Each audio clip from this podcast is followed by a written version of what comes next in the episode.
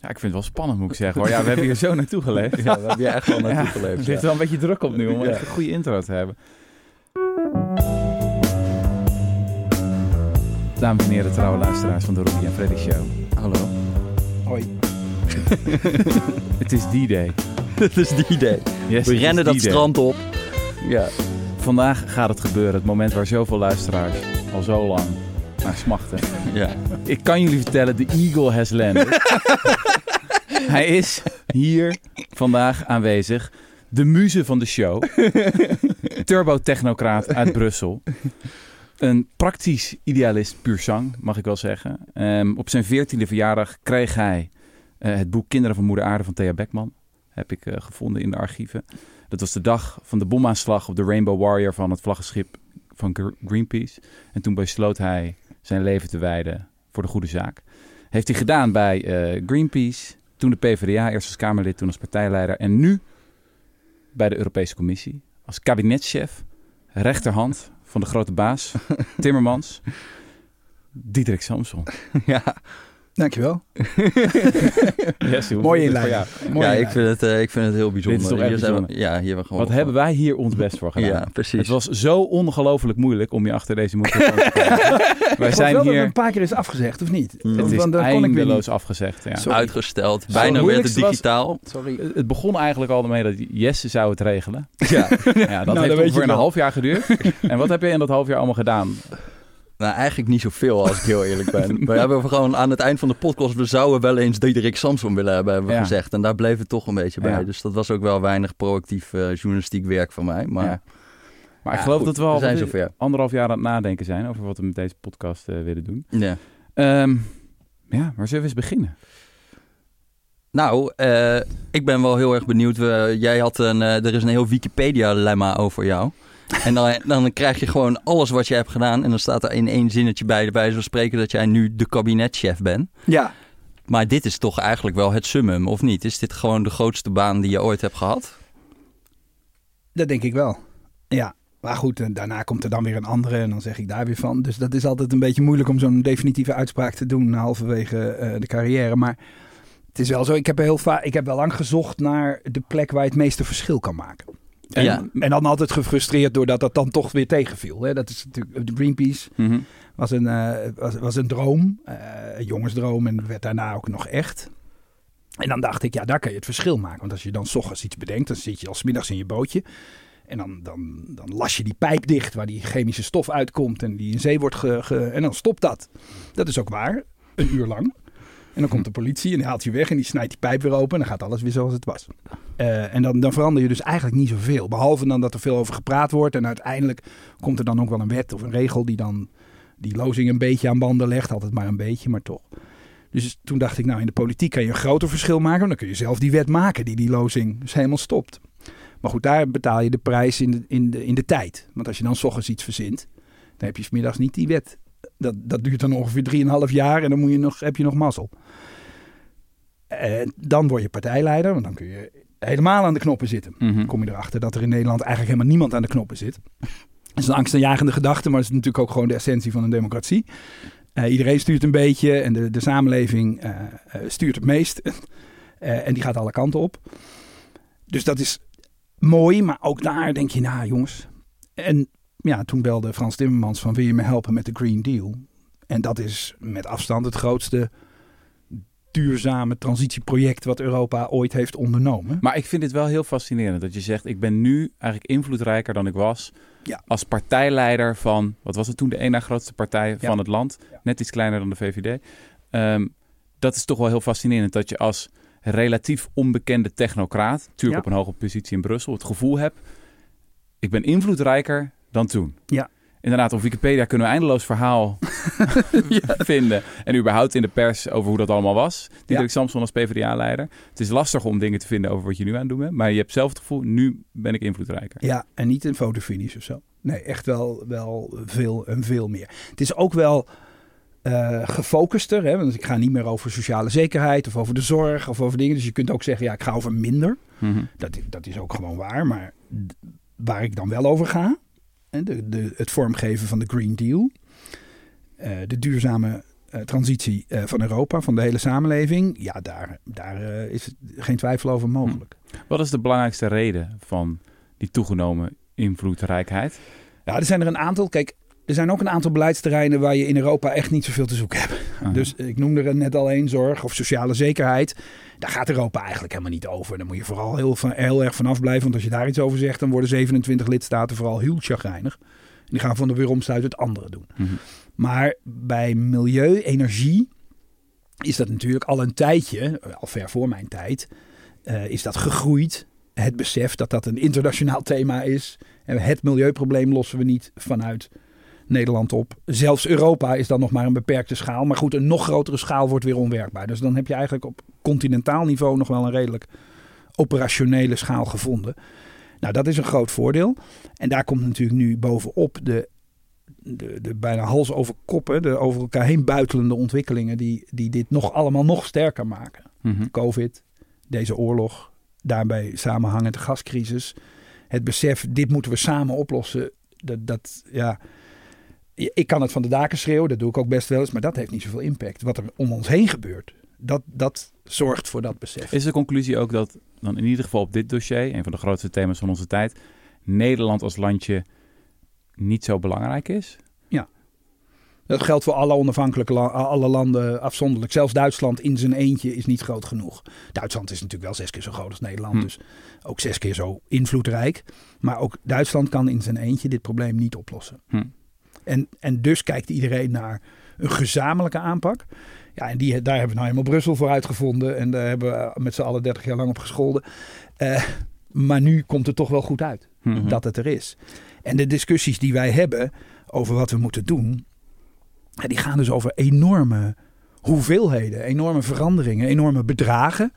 En daarmee ook enorme impact op de samenleving. Groter dan als je in Den Haag discussieert over plannen voor Nederland. Ja, dat verbaast mij altijd wel dat je dan in de pers eh, heel veel aandacht voor een klimaatakkoord hebt bijvoorbeeld. Maar ik denk dat een heleboel mensen niet eens zo weten wat ecodesign is Nee. of eh, wat eh, ETS is. Nee. Eh, terwijl dat gewoon meteen alweer gaat als je het puur in megatonnen gaat uitdrukken. Ja, dat is astronomisch, zeg maar. Heel kort, ecodesign is Europese wetgeving. Voor energiebesparing van, eh, nou ja, ik heb een keer zo'n artikel geschreven over de stofzuiger. Ja. eh, eh, ja, dus dat is, dus had je gewoon stofzuigers, die waren allemaal een soort van luchtverwarmers op wieltjes geworden, die 1800 watt verbruikten. En iedereen dacht, meer watt is beter. Dus Ja. we kopen gewoon de grootste wattage. Nou, dan gingen al die stofzuigerfabrikanten gingen gewoon heel veel wattage erin doen, maar die werd helemaal niet gebruikt om te zuigen. En daarvoor heeft dan de Europese Unie zegt dan, dat willen we niet. We willen gewoon dat elke stofzuiger nog maar 800 watt is en dat die ook nog beter moet zuigen. Ja, ja, ja. Dat, dat soort eh, regels zijn ja, ik kan me de titel van artikel herinneren. Wat was het? Brussel bepaalt hoe je zuigt. En dat mag goed ook. ja, ja, ja, ja, ja, ja, ja. Dus dat is bijvoorbeeld... En ETS is het Eh, Emission emissiehandelssysteem. System, emissiehandelssysteem. Ja. En voor, bijvoorbeeld bij ecodesign, ik had nog eventjes opgeschreven hier, van, maar dat heeft dan tot 2020, dat gaat dan over alle producten, eh, dus ook verlichting en warmtepompen en weet ik het allemaal, 1037 terawattuur aan energiebesparing gerealiseerd. En dat is eigenlijk al meer dan de hele energieconsumptie van Nederland. Wow. Ja, veel meer. Ja. Ja, het is echt, het is, Het is, dat is echt, zo'n enorme krankzinnig groot. En we gaan, nou word ik even die beleidsambtenaar. Ja. Lekker. We hebben, we hebben ons voorgenomen, want ecodesign gaat over energie tot nu toe. Terwijl het woord meer, suggereert dat het over meer gaat.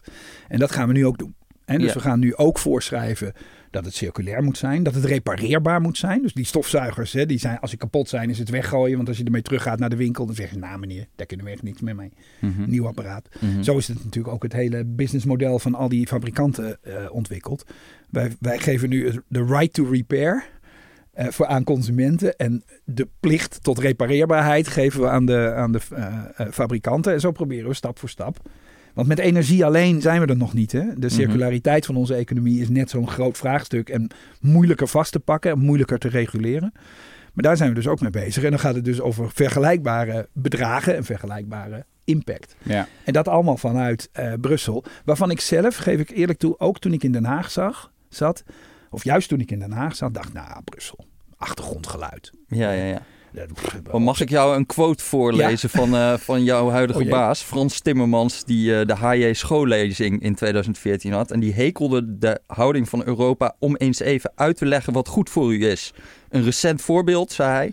Europese regels om aan te geven hoeveel wattage een stofzuiger moet hebben. Ja, ja, ja, dat is een goede. Ja. Zitten we daarop te wachten, dames en heren? Ik denk het niet. Dat is toch dan met terugwerkende kracht best wel gênant, eigenlijk. Ja, ook het rijtje van mensen die die HJ schoollezingen allemaal daarna hebben gegeven, maakt het ook een Ja, beetje... Ja, ja. ik weet niet of je in dat rijtje... eh, nee, maar dit, dit is een heel interessant voorbeeld waar ik Frans nog wel eens op wijs. Ja, Ja, ook iedereen heeft eh, last van voortschrijdend inzicht. Ehm, en wij zaten toen allemaal, en, en ik mag erbij zeggen zelfs Frans Timmermans, want dat was toch in onze fractie. ja. Hè, we zitten al... Kent. We zaten bij elkaar, eh, hè, hij was er al, ik kwam in 2003 en dan hebben samen tot 2015 in de Haagse politiek gezeten. Dus eh, langzaam opgetrokken. Hij was met afstand de meest pro-Europese PvdA-politicus in Den Haag. Kun je nagaan. ja. Want de rest zei ergere dingen over Europa. Ik, ik, ik misschien ook wel, als je heel goed gaat zoeken naar quotes. We waren allemaal min of meer besmet met dat 2005-trauma. dus de mensen Mhm. stemden tegen die, die grondwet. Mhm. En vanaf dat moment mocht je niet meer romantisch over Europa praten. ja. Het moest heel functioneel. Europa moest doen waar ze goed in was en vooral niet wat ze niet goed in was. Nou, dan komt dit soort, dit soort quotes komen daar uit die gedachte voort. Terwijl het Europese project natuurlijk een veel meer is dan een gewoon een functionele samenballing van beleidsmakers of zo. Het is ook echt wel een gedachte. Ja. Over dat je samen in één schuitje zit, dat is dan het Europese schuitje. En dat je alleen gezamenlijk daar ook weer uit kan komen. Ja. Ja, en dat je een hele efficiënte stofzuiger hebt. Nou, Ja, dat is waarbij dan we de nog niet eens- functionele va- variant. Waarbij we nog niet eens hebben meegenomen eh, wat de politicologen het Brussel-effect noemen. Dat vind ik altijd zo fascinerend. Dat wij eigenlijk in veel gevallen voor de hele wereld reguleren. Dus wij Ja, ja, maken ja. Stofzuigers efficiënter. En dan denken die fabrikanten van ja, ik ga niet verschillende versies van stofzuigers maken voor, over de hele wereld. Dus laten we dan maar gewoon de Europese regelgeving hanteren. Nou, Ja. Dat zie je dus bij eh, LED-licht en zo heel erg. Dat wij, een, eh, wij hebben die gloeilamp verboden op een gegeven moment. En Ja. daardoor is er een enorme markt gekomen om gewoon hele efficiënte lichttechnologie te hebben. En die blijkt ook echt daadwerkelijk technologisch superieur. Mhm. En nu in India en zo wordt er helemaal niks meer. Wordt alles is LED. En, en Ja. dat komt, dat hebben wij eigenlijk voorgefinancierd voor de rest van de wereld. Ja. Door een gigantische markt te scheppen voor die betere verlichting. Zullen we heel even stoppen en, en alle mensen weer de broeder gaan zeggen? ja, ja, ja. Maar weet je wat ik grappig vind aan zo'n, aan zo'n H.J. Schoo quote ook? Van, het voelt een beetje zo van dat je in de tijd zo moest gaan zeggen van... Ja, ik ben wel gematigd. Je moet wel... Niet alles wat ze daar doen is dan goed. Klopt. Toch? Je mocht, dus, je mocht dus niet lovend, wat ik zeg, romantisch over Europa praten. Hmm. Het moest altijd licht kritisch of heel erg kritisch. Dat was ongeveer de, het spectrum waarin Nederland werd, Hmm. eh, werd bewogen. We hebben ook nog steeds in Nederland nergens, en ik ben helemaal niet zo'n vlaggenfan hoor, maar we hebben nergens een Europese vlag hangen. Mhm. Nergens. Terwijl ga naar Italië op het kleinste gemeentehuis van het kleinste dorpje. In Zuid of waar dan ook in Italië hangt gewoon de Europese vlag. En dat is idem dito in Griekenland, Spanje, Ja. Portugal. Dat Europese gevoel, en daar houden ze ook helemaal niet bovenmatig van Europa. Maar toch zit daar een soort van zelfsprekendheid in. En die hebben we in Nederland niet. Nou, of En in Oekraïne bijvoorbeeld. Ik- Ja, maar dat- goed, daar, daar plaveien ze nu Ja. alle de wegen met, met ik, vond dat, Europese ik vond dat echt, ja, misschien ben ik dan een romantische jongen, maar dat was zo- zo'n filmpje dat de Europese vlag plechtig wordt binnengedragen in het Oekraïense het parlement. Ja, ik schiet echt vol als Ik je dat ook. ziet. Dan denk je echt, het zijn mensen die, Absoluut. die hun leven Ja, geven voor vrijheid klopt. nu. En Nee, dan, dan denk je, we zijn zo decadent geworden. Ja, dat of, we dat eh, niet meer- vanzelfsprekend. Ja, het is Ja. natuurlijk ook gewoon een, een, een, een eh, laten we zeggen, een zegen voor Nederland. Dat we dat zo vanzelfsprekend mogen vinden. Vergelijk maar met Oekraïne die er Mhm. met, met mensenlevens voor moet vechten, bij wijze van spreken. Eh, dus alleen, ja, het, het doet wel eens pijn als het dan zo vanzelfsprekend wordt dat het weer zo blasé wordt dat mensen er eigenlijk liever op gaan schelden. Mhm. Enfin, dat, dat, we zeggen in Europa wel eens iri- eh, ironisch tegen elkaar van ja, het staat in ons, ons eh, arbeidsvoorwaarden dat wij altijd degene zijn die de schuld krijgen. En ondertussen dan stapje voor stapje de boel een beetje Ja, ja. beter maken. Want Ja. mag ik nog een vraag Ja. over dat, bij dat eco-design? Hè? Wat mij toen verbaasde toen ik dat ging lezen, was dat, eh, dat er dus in 2010 werkten er 10 mensen bij de EU aan dat hele eco-design. Ja. Dus al die productgroepen. eh, en in 2022 waren het geloof ik 14 geworden. Meen je dat serieus? 14 mensen. En dan denk ik van, oké, wie zijn die lui die voor met z'n veertienen dan Dat is echt gewoon de hele... De, de Het hele zijn de zeg wel maar ze nemen wel consultants volgens mij in. Nou ja, hè, of onze niet? eigen, want wij hebben daarachter staat dan het JRC, dat is het Joint Research Center. Daar werken bij elkaar, denk ik, 6000 mensen, eh, verspreid over heel Europa in allerlei onderzoeksinstituten. En die mogen we dan, eh, daar mogen we dan eh, van gebruik maken van die enorme schatkist aan kennis die daar zit. Dus die Oké. 14 mensen zijn eigenlijk de coördinatoren. Die bellen dus de hele dag. En dan weet jij nog wat de beste stofzuiger is. En wa- waar moet hij dan aan voldoen? En hoe Mhm. kunnen we dat afspreken?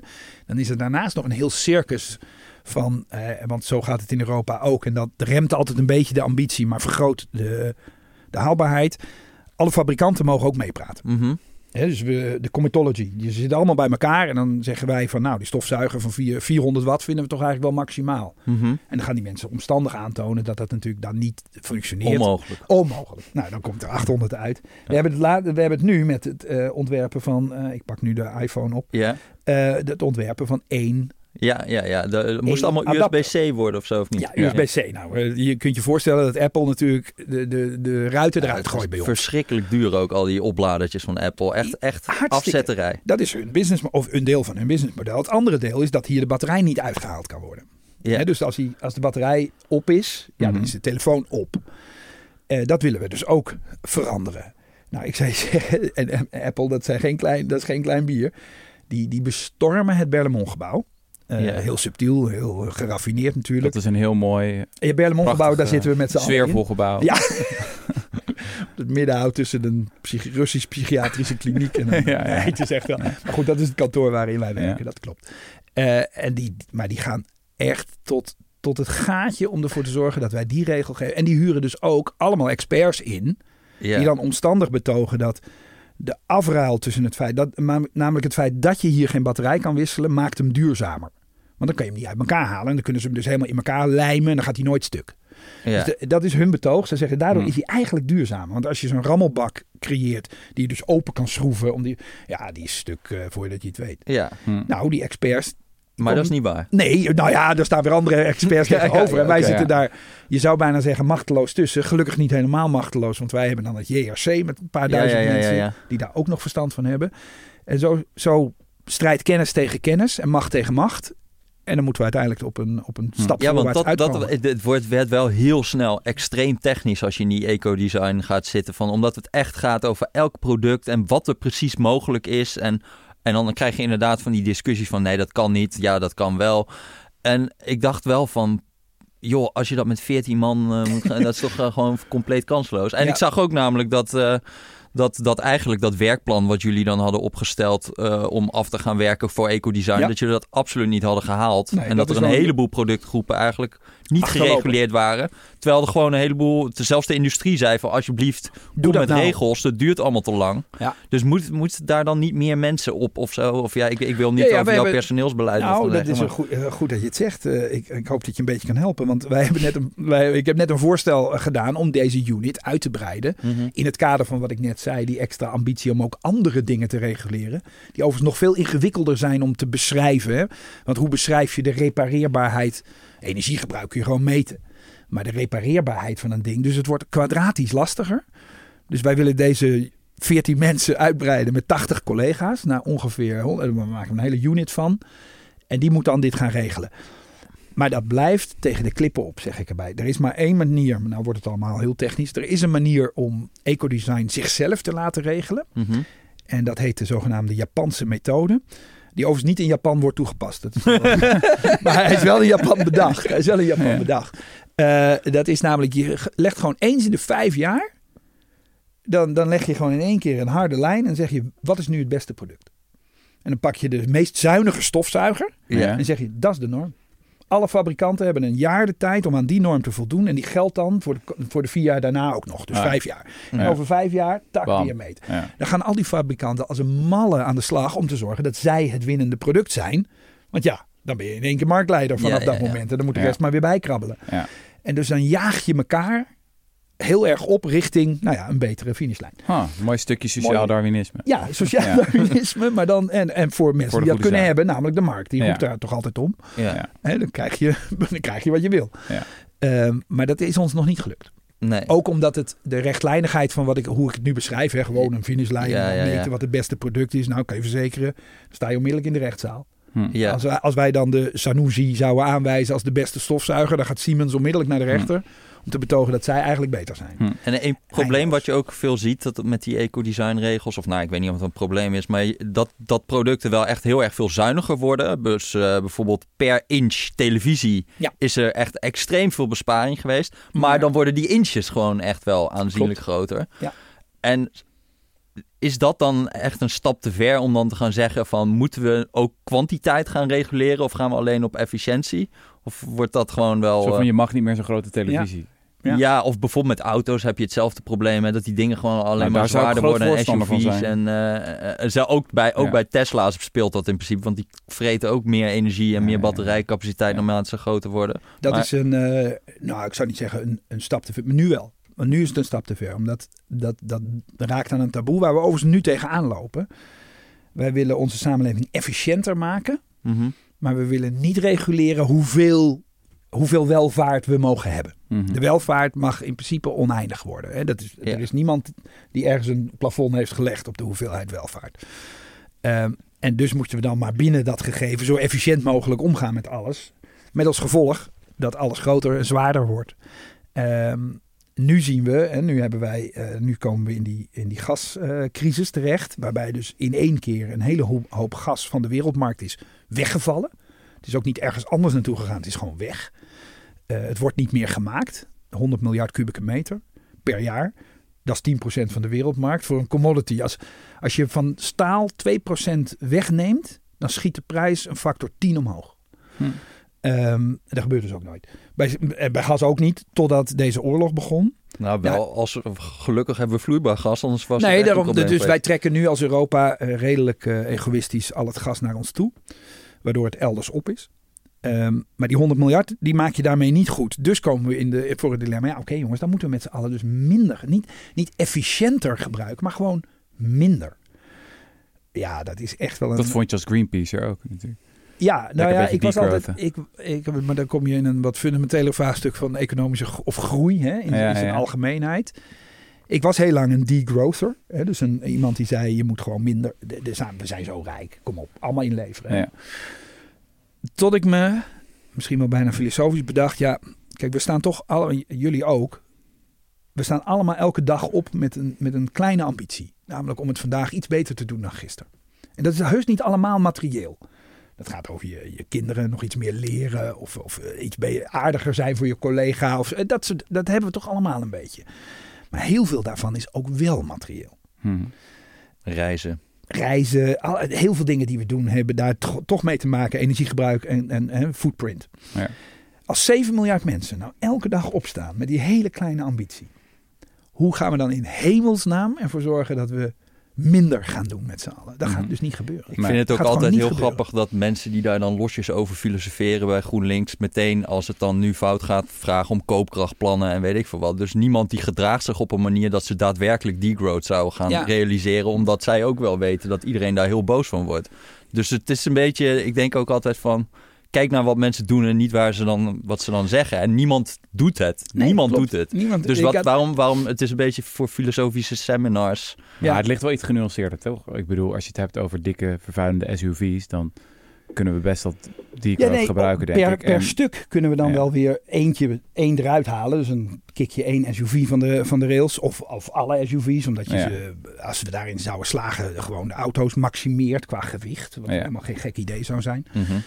Maar ondertussen wonen anderhalf miljard mensen zuidelijk van ons eh, in Precies, Afrika. ja, en die dat is het waren, sterkste argument. die waren nog niet op onze welvaartsfeestje uitgenodigd. En die zijn dat wel aan het doen. Ja. Die groeien met, met dubbele cijfers per jaar. Althans in de landen waar ze enig eh, adequaat bestuur weten te ontwikkelen met z'n allen. Het zijn natuurlijk ook gewoon mensen met precies hetzelfde DNA als wij. Dus er is ook geen enkele reden om aan te nemen dat die een ander pad zullen Ja. inslaan. Mhm. Ja, en dan gaat het dus gewoon. Dat die degrowth, wij moeten ervoor zorgen dat we 12 miljard mensen, want zoveel wordt het er uiteindelijk, op, op deze planeet in Europese welvaart op een duurzame manier kunnen voorzien. Ja. Dat kan ook. Er is geen enkel probleem eh, om, om dat. Hè, dus de zon geeft ons voldoende energie om dat allemaal te regelen. En uiteindelijk is met energie alles eh, eh, gezegd. Ehm, maar goed, tot nu toe is ons dat nog niet gelukt. Tot nu Nee. toe kunnen we dit alleen maar realiseren door elke keer meer fossiele brandstoffen op te graven en in de fik te steken. En daarmee toch onze toekomst wel eh, zwaar onder druk te zetten. Nou, dank voor dit plechtige visioen. Ik wil even diep de Brusselse technocratie in, Ah, eh. Ehm, wat ik altijd zo eh, fascinerend vind, is eigenlijk hoe weinig we weten. Hè? Van hoe een wet wordt gemaakt, hoe de worst wordt gemaakt Ja. in Brussel. We hebben een paar keer Bas Eickhout te gast gehad. En die kan een fascinerende verhalen vertellen over hoe dat allemaal werkt. En commissies en puntensystemen en bla bla bla bla Oh, ja. Eh, Ja, het parlement. Ja, ja, ja. Oh jee. Ja. Maar ik dacht, misschien is het ook gewoon echt goed om even bij het begin te beginnen. Eh, je titel is kabinetschef. Ja. Wat is dat? Ja, dat is, eh, de, dat is Frans, hè, chef de cabinet. Ja. Dus dat hebben we dan in slecht Nederlands gewoon omgezet. ja. Fransen zetten altijd alle afkortingen omgekeerd. De, de VN is ONU en zo en dat soort dingen. En, en wij, wij hebben dit dan gewoon teruggedraaid. Kabinetschef, chief of staff voor mensen die eh, Amerikaanse politieke series kijken. Mhm. Dus eh, Frans is de commissaris.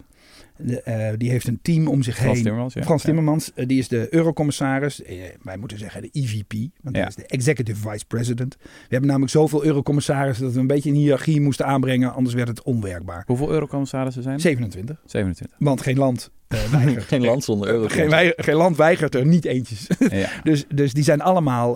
we hebben wel in het verdrag afgesproken. staat een heel mooi zinnetje. Het verdrag van Lissabon, het nu geldende Europese verdrag. Daar staat. Als de Europese Raad het eens wordt over minder commissarissen. dan zijn er minder commissarissen.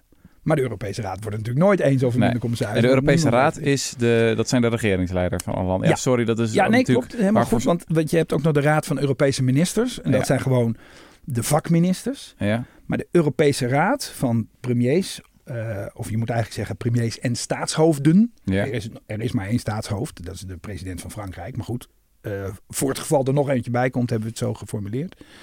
Eh, dat is, heeft, is weer een heel eigen instituut. Met een eigen eh, mandaat Mhm. en mogelijkheden, ook lidmaatschap. Bijvoorbeeld de, de president van de commissie is lid van de Europese Raad. En de buitenlandvertegenwoordiger van de commissie is ook lid van de Mhm. Raad. Nou goed, ingewikkeld. Dus zeg ik het goed dat er drie pilaren ongeveer zijn? De Europese Raad, de Europese Commissie Ja, en het Europese Parlement?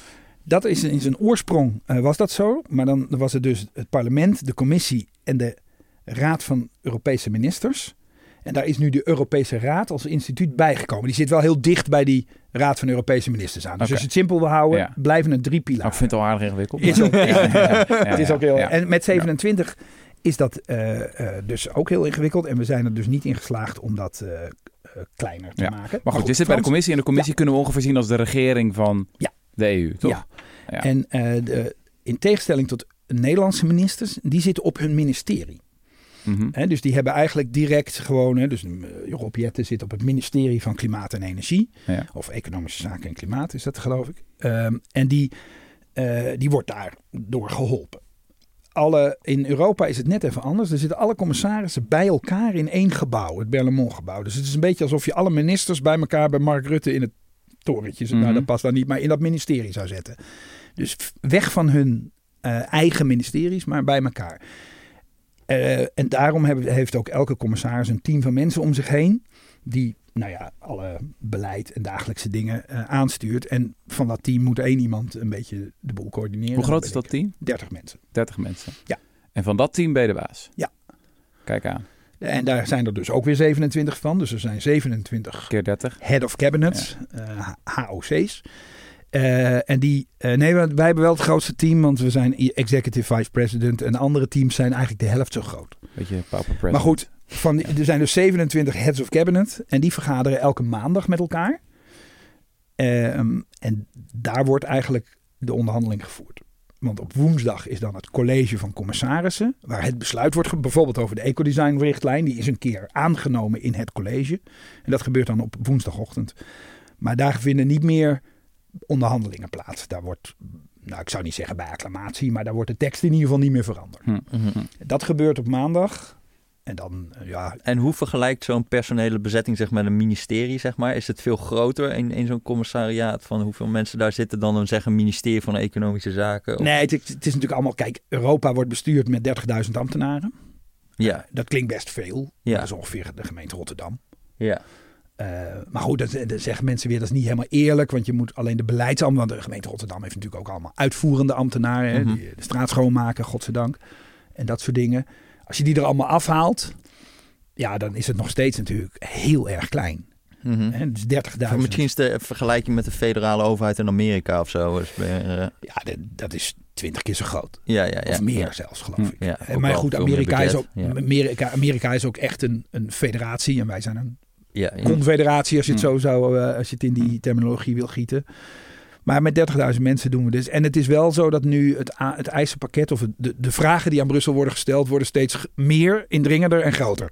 Mhm. Elke, keer- dat- maar dat komt door de omstandigheden. Covid was zo'n voorbeeld. Opeens moest Brussel dan die, die vaccins gaan kopen. Mhm. Kan je, je kan je voorstellen, wij hadden helemaal niemand die dat Nee. We wisten, eh, Mhm. hoe koop je een vaccin? Mhm. Bellen met een fabrikant? Nou ja, uiteindelijk is dat ongeveer hoe het gaat. Mhm.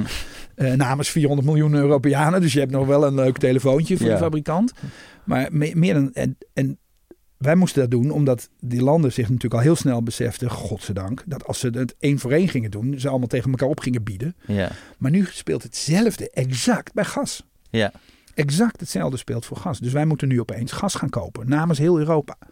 Ja. Nou ja, je kan zeggen 400 miljoen vaccins maal 7 euro, dat is nog best ook een groot bedrag. Dus jij bent nu aan het bellen met Noorwegen, met Ja. Jonas. Ja, Of hoe heet die man? Steuren. Ja, wij gebruiken de achternaam nog. Maar Oké. de voornaam is Jonas, maar dat is niet zo Nee, ik onderscheidend. mag hem op. eh, wij zijn op eh, first name bezig. Maar eh, de premier Steuren, dat is overigens de oud-minister van Buitenlandse Zaken. Dus een zeer goede kennis van Frans Timmermans. Oké. In die zin hebben we... Maar dat is inderdaad waar, is ook helemaal geen geheim. Wij zijn al heel lang in gesprek met Noorwegen. Mhm. Want die gasten verdienen geld als water.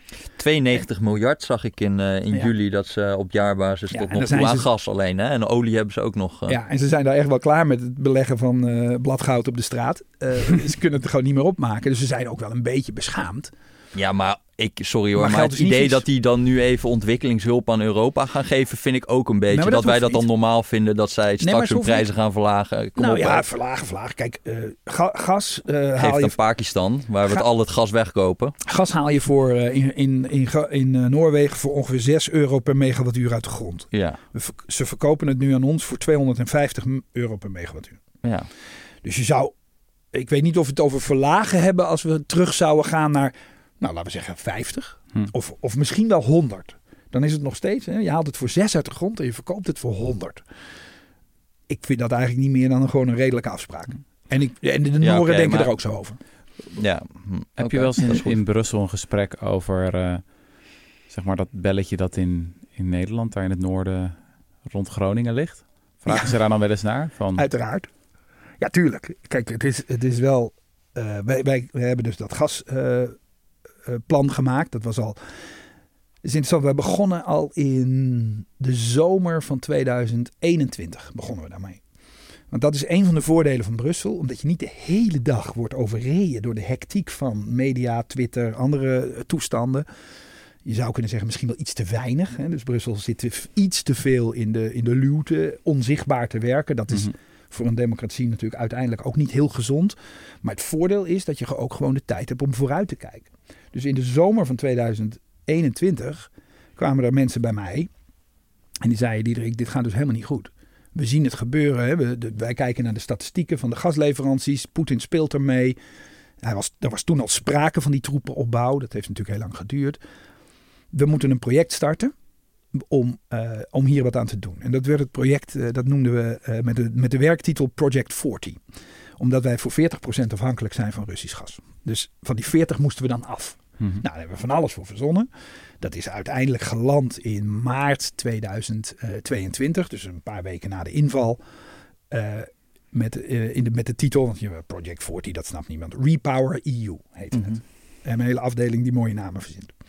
Ehm, en die heeft, eh, eh, maar dat, de inhoud was precies hetzelfde. Onderdeel van die inhoud is natuurlijk heel veel gas besparen, want dan heb je het niet meer nodig. En nieuw gas vinden. Mhm. Nou, elders op de wereldmarkt. Alleen dan concurreer je dus met anderen en gaan alleen maar de prijzen omhoog. Dat, dat kan, Europa is rijk, maar dat, dat kan niet eindeloos. Dus op zoek naar indigenous gas, zoals Ja. dat dan heet. Gas op, van eigen bodem. Ja, maar overal zoeken. Overal zoeken. het Nou, zijn. Roemenië heeft nog wel wat. Ja, die Duitsers Cyprus hadden hebben nog ze wat toch open. met Israël een Cyprus soort hebben net enorm die- veld, wat uh, Ja, Afrodite of zo. Ja. Ja, maar dan ligt Turkije net tussen. Dus dat is Oh, dan ja. weer lastiger om daar een eh, boortoren in de grond te steken. Want Cyprus en Turkije, dan, ja goed, een Ja. hele, hele nieuwe podcast kun je daarover maken. Mhm. Ehm, dus dat, dat, het is niet zo van. eh, En dan kijken mensen natuurlijk wel naar mij en zeggen: was er niet iets in Groningen waar je inderdaad at de flip of a switch, hè, dus in één keer gewoon klak, knopje open en dan loopt het gas er weer uit. Ongeveer 10 miljard kuub per jaar. Want het is wel, even om het nog wat technischer te maken, het is wel heel ander gas dan het conventionele gas wat we in Europa gebruiken. Dus laag calorisch. Dus je kunt het niet zomaar aan de industrie voeden. Vooral huishoudens in Nederland, België en Duitsland. En ook wel wat bedrijven die daar natuurlijk op ingesteld waren eh, en zijn. Maar ja, dan leg ik uit van jongens, dat, dat gaat gewoon niet. Want er is de politieke clusterfuck, als ik maar even onparlementair mag uitdrukken, rondom de Groningen is van zo'n grote omvang. Dat je nu niet in één keer tegen ze kan zeggen, nou, omstandigheden gewijzigd, weet je wat, we doen het gewoon. Ja. Dat is echt iets waar maar de Nederlanders moet je daar zelf... niet ook dan gewoon mee beginnen met daar eens even helder over te communiceren? Want ik vind wel dat die politici en ook die toezichthouders zich zo, zo aan het ingraven zijn in een soort van positie van nee, dit is absoluut ondenkbaar en het, het helpt ook niet en de veiligheid is echt helemaal in gevaar. Ik zat die parlementaire enquête gaswinning te kijken. Daar vertelt eigenlijk die man van het risicomodel. Die zegt, als we nu 25 miljard kuub gas winnen, en dat is heel veel... dan gaan er duizend woningen vallen onder de uh, veiligheidsnorm. En dat betekent dat er in die duizend woningen... als je daar 24 uur per dag zit, 365 dagen per jaar... dan is de kans groter dan eens in de 100.000 jaar dat je komt te overlijden. Dus de kans bij maximale gaswinning... Uh, is eigenlijk 0,05 of zo dat, je daar, dat daar een overlijden uitkomt. Vinden we dat dan opwegen tegen zeg maar, de 50 miljard euro die je krijgt met gaswinning? En tegen zeg maar, die hele energiecrisis. Want laten we ook niet doen alsof dat geen doden kan veroorzaken. Ja. He, want ik geloof dat er allemaal onderzoek is in Japan naar wat er naar Fukushima gebeurde. toen ze daar de, uh, alle kerncentrales dicht deden. En toen werden de prijs van warmte en stroom ook veel hoger. En dat schijnt ook nogal wat doden te hebben veroorzaakt. Dus ik vind dat je daar gewoon eerlijke kostenbatenanalyse op mag loslaten. En het niet in één keer kostenbaten immuun moet gaan zitten verklaren. En ik snap alle gevoeligheden. Maar niemand is ook gewoon nu eerlijk daarover aan het praten. Ter vergelijking misschien nog wel goed om te zeggen van 1 op de 100.000, hoe verhoudt zich dat tot, weet ik veel, een provinciale weg of zo? Ik bedoel, er zijn heel veel risico's die we al accepteren. Nou ja, 0,05 overlijdens per jaar Ja. verwacht je dan extra, zeg maar, als je maximale gaswinning gaat Ja, doen. precies, ja, ja, dat is inderdaad wat je op, eh, op, op sommige provinciale wegen heb je elk jaar dat daar doden vallen. En dan gaan we er niet een rotonde neerzetten omdat dat te duur is. En dit is bij wijze van spreken de duurste beslissing die de overheid ooit heeft genomen. En we gaan nu ook een parlementaire enquête organiseren waarin de hoofdvraag lijkt te zijn: waarom hebben we die beslissing niet eerder genomen? Terwijl we op dit moment gewoon zo evident is dat een heleboel uitgangspunten die er toen waren over die gaswinning stoppen, zeg maar. Dat de leveringszekerheid wel een probleem kan zijn. Dat we ons heel erg afhankelijk eh, zouden maken van eh, Russisch gas. Dat is toen allemaal niet meegewogen. Is gewoon mee gestopt. En die vraag die wordt dan niet gesteld. Of dat eigenlijk niet een beetje dom was dat we daar niet over na hebben gedacht. Ja, ik vind het echt stuitend. En ik vind het, ja, het, is, het, kan eigenlijk gewoon niet in deze omstandigheid, vind ik. Nee, dat, dat- kijk... Ja, jij mag, jij Mooi mag het je niet, eh, je mag aan, maar ik Jawel, ik, ik, ik mag er van alles over zeggen, maar het interessante is dat rationele gesprek en die rationele afweging is, is in, in het geval van Groningen niet meer mogelijk. Of je dat nou terecht vindt of niet, er is in ieder geval een goede reden waarom het niet meer mogelijk is. En die reden ligt bij de, de politieke maar- clusterfuck Hmm. die, die Groningen is geworden. sorry Diederik, de wij, 20 je hoort allemaal Nederlandse politici over Duitsland met die kerncentrales Ja. zeggen... nou, ik vind het echt belachelijk dat dat onbespreekbaar is en die hebben dat ding. Dat gaat over 8,8 miljard kuub aardgas als ze dat allemaal zouden vervangen met gascentrales. Nederland gaat over 25 miljard kuub eh, aardgas. Maar zo- nu maar is- Sorry, het kan echt niet. Dat nee, maar je dit dat is interessant dat je nu zegt, want ik kan, eh, elk land kan zo'n voorbeeld, heeft zo'n voorbeeld. Eh, Frankrijk heeft een paar jaar geleden het fracken verboden. Dus gas winnen met wat meer geweld dan gewoon een boortoren Mhm. erin slaan. Hè. Dus dan heb je wat, dan zet je er water op met chemicaliën en dan bas je die rotsen open en dan komt er gas uit. Dat is in eh, Amerika een zeer gebruikelijke techniek. Daar is de Amerika de afgelopen 20 jaar, daardoor is Amerika de afgelopen 20 jaar volledig onafhankelijk geworden van de import van fossiele brandstoffen. Maar dat was in Frankrijk onbespreekbaar. Eh, rationeel kan je dan nog wel, maar het rationele gesprek was in Frankrijk gewoon niet meer mogelijk. Het is gewoon verboden. Mhm. Oh, dat is ook niet dat je een poging kan wagen om met nieuw onderzoek daar nog iets of een andere methode. Nee, gewoon verboden. Nou, je, je noemde zelf al het Duitse voorbeeld, waar natuurlijk op weinig rationele gronden die kerncentrales vervroegd worden gesloten. Kijk, een nieuwe bouw is voormalig activist Samson. ja, ja, nee, absoluut. Maar eh, ook ik word. eh, eh, de, de, de omstandigheden veranderen. Ik word ouder. Je gaat ook echt anders over dingen nadenken. Kijk, een nieuwe kerncentrale bouwen is niet zo'n zinvolle discussie. Ook omdat dat nog heel lang duurt voordat die dan af is. Alhoewel je altijd Zij zeggen- tien jaar geleden ook. Precies. Dus, Alhoewel je altijd kan zeggen, ja, als je er nu niet aan begint, heb je over tien jaar hetzelfde gesprek nog steeds. Eh, maar los daarvan, de huidige nu vervroegd sluiten is, is ongelukkige timing. Als ik Ja. het maar mild mag uitdrukken. Mhm. Dat geldt overigens ook voor de Belgen. Zo heb ik al Ja. vier buurlanden genoemd, die allemaal met een, met een politiek vraagstuk zitten, waar je rationeel totaal anders over kan Iedereen denken. heeft zijn eigen taboes. Iedereen heeft zijn eigen taboes. Ja. Die kunnen natuurlijk allemaal wegstrepen. Maar dat is niet zo'n... Dat, dat zou ik wel willen, maar ik weet niet welke oekase ik daarvoor Maar je zou ziet dat moeten het wel schrijven. in België en Duitsland is dat wel aan het schuiven, Ja. toch? Dus In waarom zou dat dan niet bij ons ook In, moeten maar in schuiven? Nederland is er ook een gesprek. Alleen, dat wordt nog heel geen voorzichtig. gesprek. Het zijn hele enge, Nou, enge e- extreemrechtse partijen die Nee, nee, maar ervoor ik hoor- ik pleiten. en mensen nou, die gewoon redelijk... Maar ik hoorde ook de regering zeggen dat als het heel erg zou worden... Ja, maar dan Nou is het ook... Ja, jij weet ook met laagcalorisch gas, dan is het ook te laat. Ja. Sorry, het heeft geen zin als we in de winter pas aankomen. Dat is gewoon een lulverhaal. Want je moet een... Nou ja, goed. Ja, je moet al die dingen met conversie... Als je dat wil doen, moet je het nu gaan doen. Nee, dus, dat, is, dat is ook waar. En, en Hoe wordt er geregeerd dan door buitenlandse collega's? Nou ja, juist als, je als je begint over aardbevingen, Ja. je zegt, nou we hebben ernstige aardbevingen in Groningen. Ja, dat vinden ze natuurlijk een beetje eh, moeilijk te begrijpen. Eh 3,9 op de schaal van Richter is voor een, iemand die in Napels woont. Nou, die, die zegt dat heb ik maandagochtend tussen de koffie en de koek. En dan moet, moet mijn week nog beginnen. Maar goed, Napels is anders gebouwd. Mhm. Eh, de aardbeving zit dieper. Eh, dus de vergelijkbaarheid is maar matig, eh, gaat maar matig op. En uiteindelijk nogmaals heeft iedereen, elk land, een vergelijkbaar dossier, taboe, hoe je het maar wil noemen. Ehm, en zit iedereen altijd een beetje ingewikkeld te schuiven op zijn stoel. Dus dat is geen reden om het er niet over te hebben. De Duitsers doen het, de Belgen doen het. Ik garandeer je, de Fransen beginnen over fracken. Eh, niet op niet al te lange termijn. Mhm. En de discussie over Groningen, nou, die, die, die gaat voort. Ehm, die, Het die is enquête- natuurlijk wel een beetje, met, ook met fracken en zo, dat zijn dingen van, dat gaat dan weer drie, vier jaar duren voordat je daar iets uit krijgt. En eh, Ja, eh, deze ook bij Duitse kerncentrales is iets acuter, maar dit is gewoon echt een knop waar je aan kan draaien. En deze, wat, wat nu binnen twee jaar, waar we allemaal naar op zoek zijn op korte termijn, een optie zou zijn. Dus ik vind dat, dat zeg maar, die taboes in andere landen zijn ook nog ordesgrootte kleiner eigenlijk als een bijdrage voor de oplossing dan die Groningen gaswinning. Dus Ja, dat, dat- wil ik jij, kan ja. dat, jij mag dat ook eh, gewoon met, met eh, die onbevangenheid zeggen. Ja, ik zit zelf natuurlijk, en eerlijk, ik, ik was erbij. Ik ja. was niet verantwoordelijk, maar ik was wel gewoon bij. in Toen we, 2012. toen we in 2012 te horen kregen, joh, die, die relatie met die aardbevingen is er. En, belangrijkste, we kunnen niet echt garanderen dat 3,9 de bovengrens is. Mhm. Dus het kan wel 5 worden en dan vallen er echt huizen om en zo. Ehm, dus je moet zo snel en zo ver als nog redelijkerwijs mogelijk is naar beneden. Toen vroeg ik aan de, de experts, nou dat is mooi, dan gaan we dat doen. Want ja, daar was geen twijfel over, althans niet bij mij. Eh, hoe ver is ver en hoe snel is snel? Ja, dat weten we niet, zeiden toen de experts. Mhm. was natuurlijk een van de bevindingen was dat er angstaanjagend weinig kennis was over hoe dat nou precies werkte. Nou, dan moeten we daar als de Wie de Weerga onderzoek naar laten doen. Nou, onderzoek en Wie de Weerga, dat, dat duurt dus een jaar. Dus ik dacht, nou, dat hebben we, toch mooi, hebben we dan mooi in een, eh, in, een, in, een, in een besluitvorming, zoals dat dan in Den Haag heet, gezegd. Over een jaar komen we terug, hebben we al die onderzoeken liggen en dan besluiten we hoe ver en hoe snel.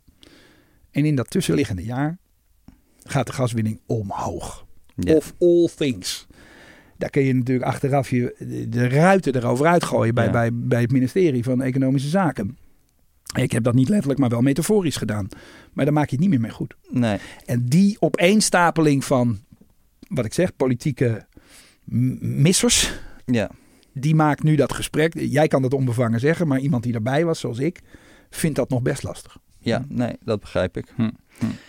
Nog meer over Groningen? Of, eh, Nee, nee, ik heb eh, nog wel een andere vraag. Ik heb het idee dat eh, een soort kwaal die, ik, die, die, die je wel vaak ziet, is dat we zeg maar ambities gaan formuleren. En dat als we die ambities niet halen, dat we grotere ambities gaan formuleren. En dat uiteindelijk dat je eh, eigenlijk heel weinig aan het doen bent aan, aan, aan zeg maar, zorgen dat het ook echt gaat lukken. En dat gevaar heb je dan ook een beetje bij. Nou ja, eerst was het Fit for 55. Dan, toen zei Frans Timmermans, it will be bloody hard. En dan krijgen we Repower EU en dan it will be bloody hard. En dan zijn gewoon alle ambities aangeschroefd, zeg maar. Ja, Maar hoe gaan we wat dan... Fit for 55 is?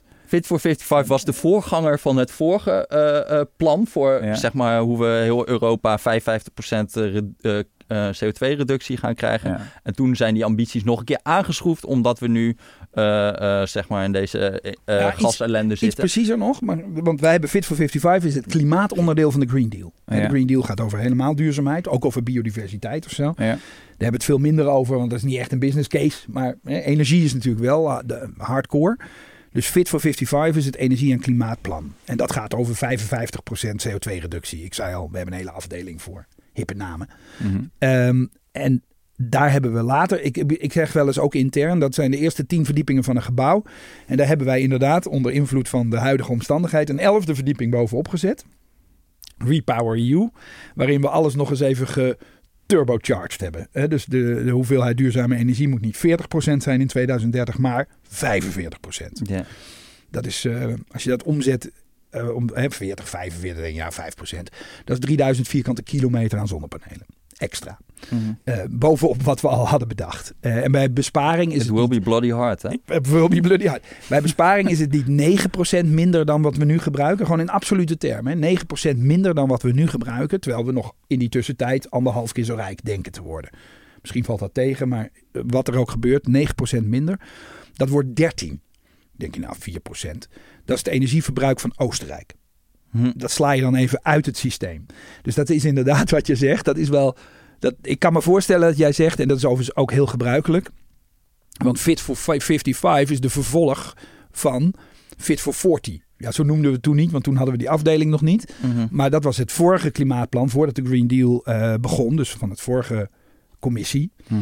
Eh, en die wilde 40% CO2 reduceren in 2030. Maar nu komt het goede nieuws. Want ehm, je hebt gelijk, eigenlijk al decennia is dit het ritme. We zetten een doel, we halen het niet, we maken het doel groter. Eh, dat is bijna, daar kun je psychologen op loslaten over waarom dat gebeurt en waarom dat zou kunnen werken. Maar ondertussen staat de wereld niet stil en zie je dat eh, met name duurzame energie exponentiële groei ondergaat. Ehm, en dat geldt zowel voor zon als voor wind, als ook inmiddels voor andere technieken zoals batterijen en dergelijke. En die komt dus aanstormen als een soort golf. En die neemt ons gewoon straks over. Mhm. Dus die 40, als we niks meer hadden gedaan, dus als deze commissie gewoon in slaap was gevallen, eh, dan hadden we die 40 dus gewoon gehaald. Dat, was Ja. de eerste, dat zou het eerste doel in de geschiedenis zijn geweest wat we hadden gehaald. Maar het niet dat we hem inmiddels op 55 hebben gelegd en die halen we niet vanzelf. Ja. Laat staan wat we er nog eens boven die elfde verdieping.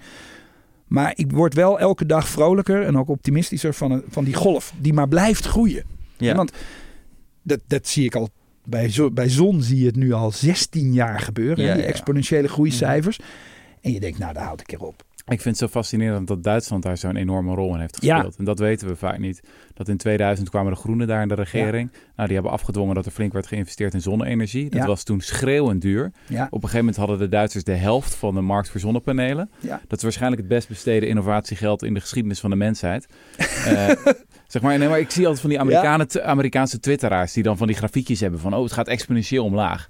ja. Alsof het een soort van natuurkracht is, weet je wel. Maar dat, Maar is, is- dat is gewoon Nee, absoluut. Duits overheidsgeld. Ik heb dat en wel dat hebben wij met offshore wind dankzij jouw Klopt. energieakkoord. Ja, want toen hebben we eindelijk een les geleerd die we daarvoor dus elke keer... Kijk, ik heb heel lang eh, hierover eh, tegen aangekeken met natuurlijk een enorme frustratie. Hè? Want wij zaten in Nederland en dat liep voor geen meter. Die en- duurzame energie kwam niet van de grond.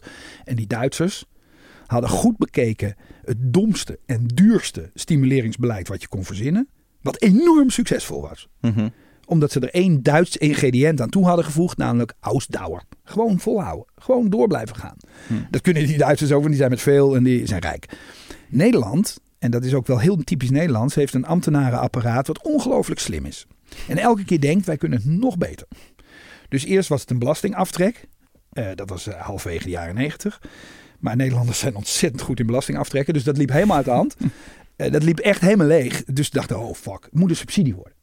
En toen dacht iemand, nou, maar het kan ook een hele slimme subsidie worden. En toen werd de subsidie natuurlijk zo slim dat die aan zichzelf eh, ten onder ging. Een beetje de toeslagenaffaire-achtig. Hè? Als, je, als je denkt dat je op elke keukentafel exact het juiste bedrag kan laten landen, dan hou je jezelf voor de gek. En dat gaat een keer mis. Spectaculair in dit geval. Maar bij, bij duurzame energiesubsidies is dat ook gebeurd. En toen schrok Nederland zo dat ze acuut alles stopzetten.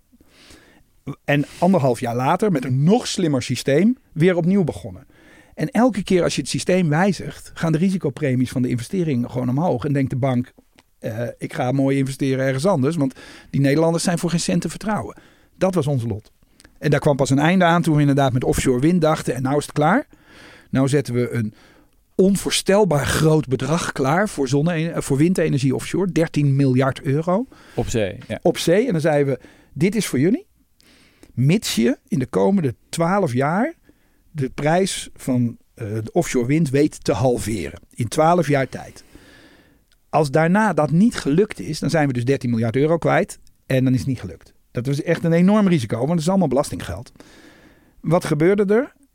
Kennelijk was dat zo'n geloofwaardig aanbod dat de windenergie-industrie als een malle is gaan investeren. En die doelstelling niet in 12, maar in 5 jaar heeft bereikt. Dat, is, dat is echt magisch hoor. Als je kijkt naar wat er. Want dat is geen. Windenergie offshore, dat is niet Netflix of zo, of Google. Dat, is, dat is beton, staal, Mhm. eh, enorme turbines, enorme wieken, enorme schepen. Als je dat zo snel, zoveel goedkoper kan maken, dat is, dat is niks minder dan, dan een innovatiewonder.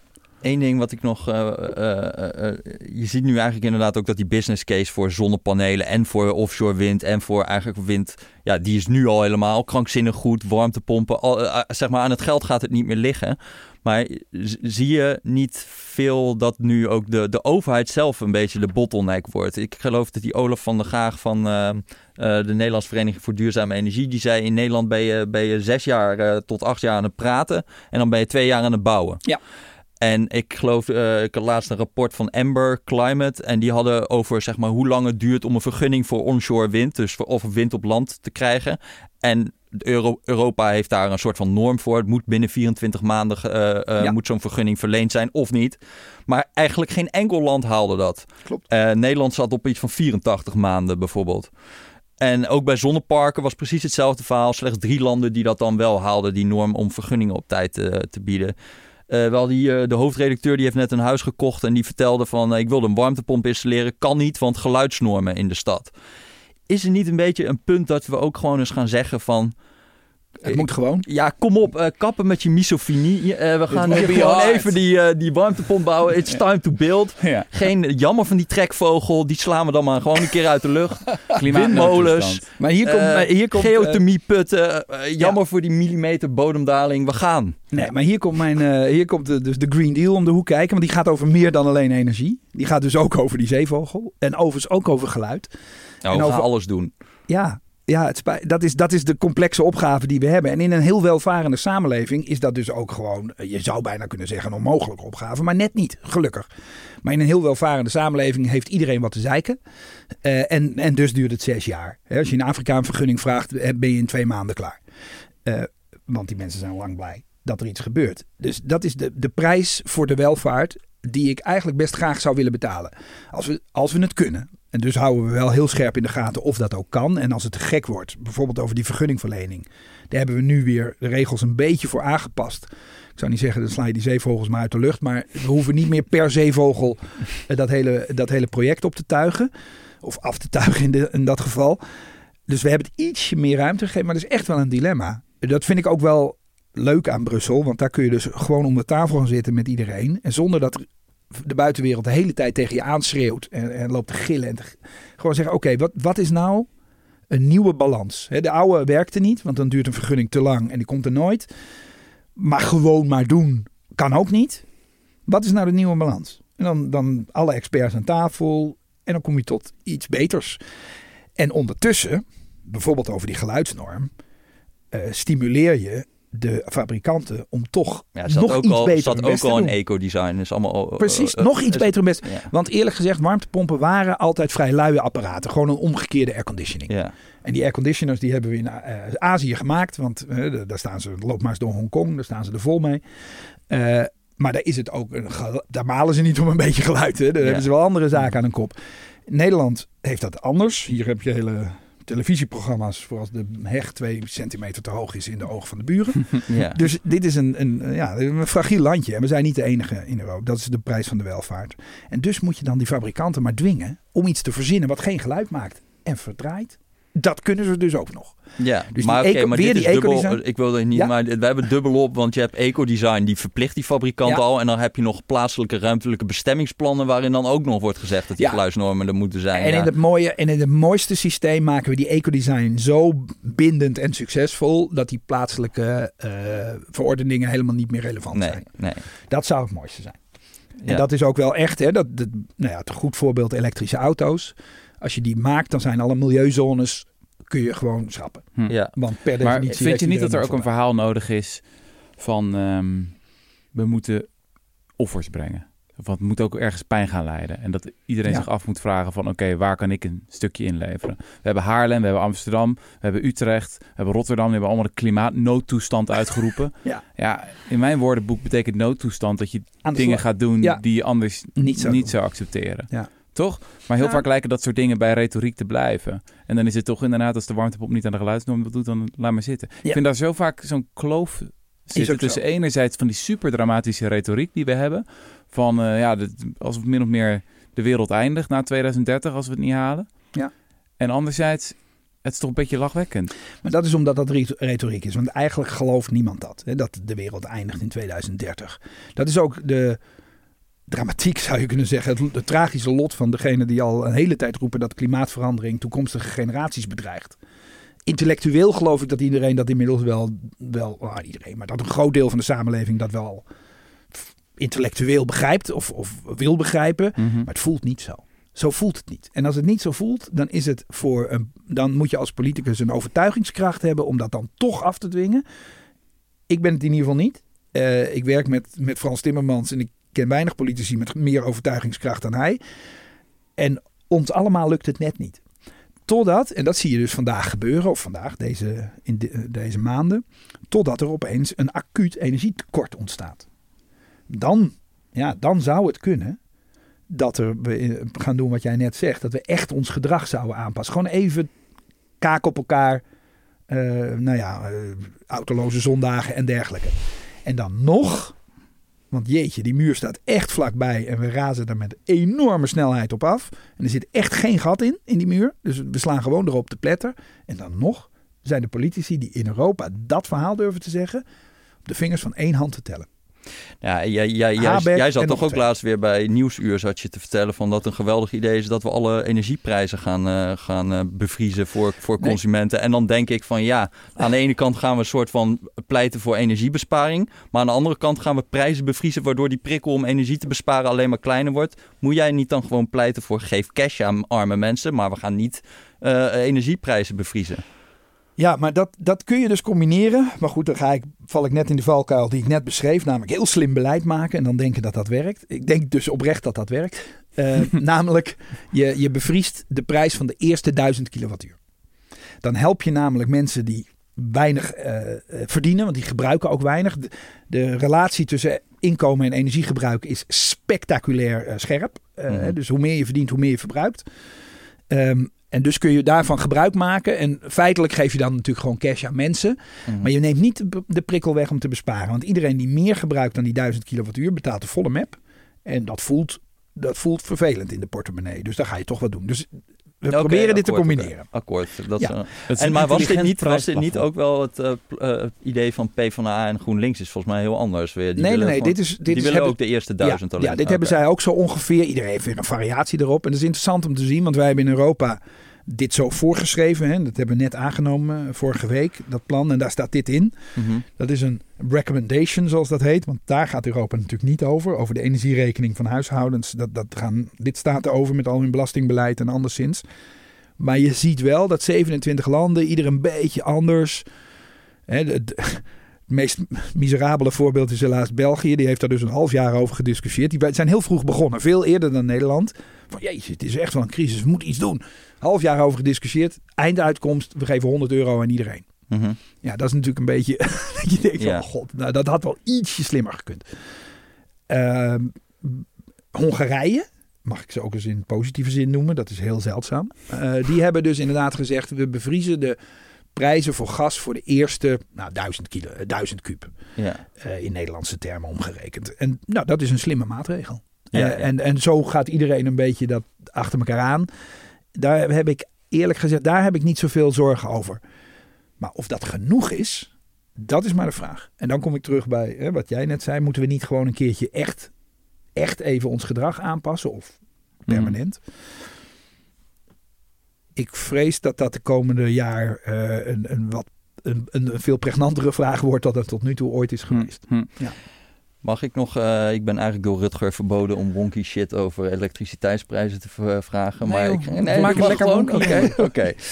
Want eh, dat verbod ga ik nu negeren.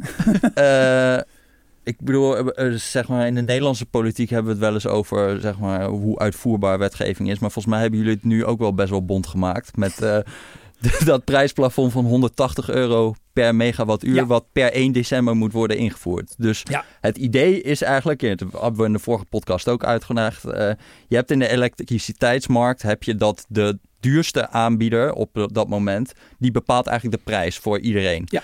Eh, of de aanbieder met de hoogste variabele kosten. Dat zijn bijna altijd nu gascentrales. En gas is natuurlijk pokken duur. Dus je ziet eigenlijk dat die eh, de hele prijs vaststellen voor, eh, voor iedereen. Ook voor zonneparken en windparken. Die in principe eh, hele lage variabele kosten hebben. Dus die eigenlijk voor 0 euro die stroom opwekken. Ehm, maar die krijgen nu ook 500 euro. Ja. Nou hebben hele slimme mensen bij jullie gedacht... we gaan gewoon daar een prijsplafond op zetten van 180 euro per megawattuur. Zodat we dat afromen. Dat verschil tussen die 180 en 500 euro. Zodat eigenlijk die wind- en zonproducenten minder winst gaan maken. Nou ja, en nucleair zit daar ook in. En eh, ja, hydro, allemaal van dat soort eh, energiebronnen met lage variabele kosten.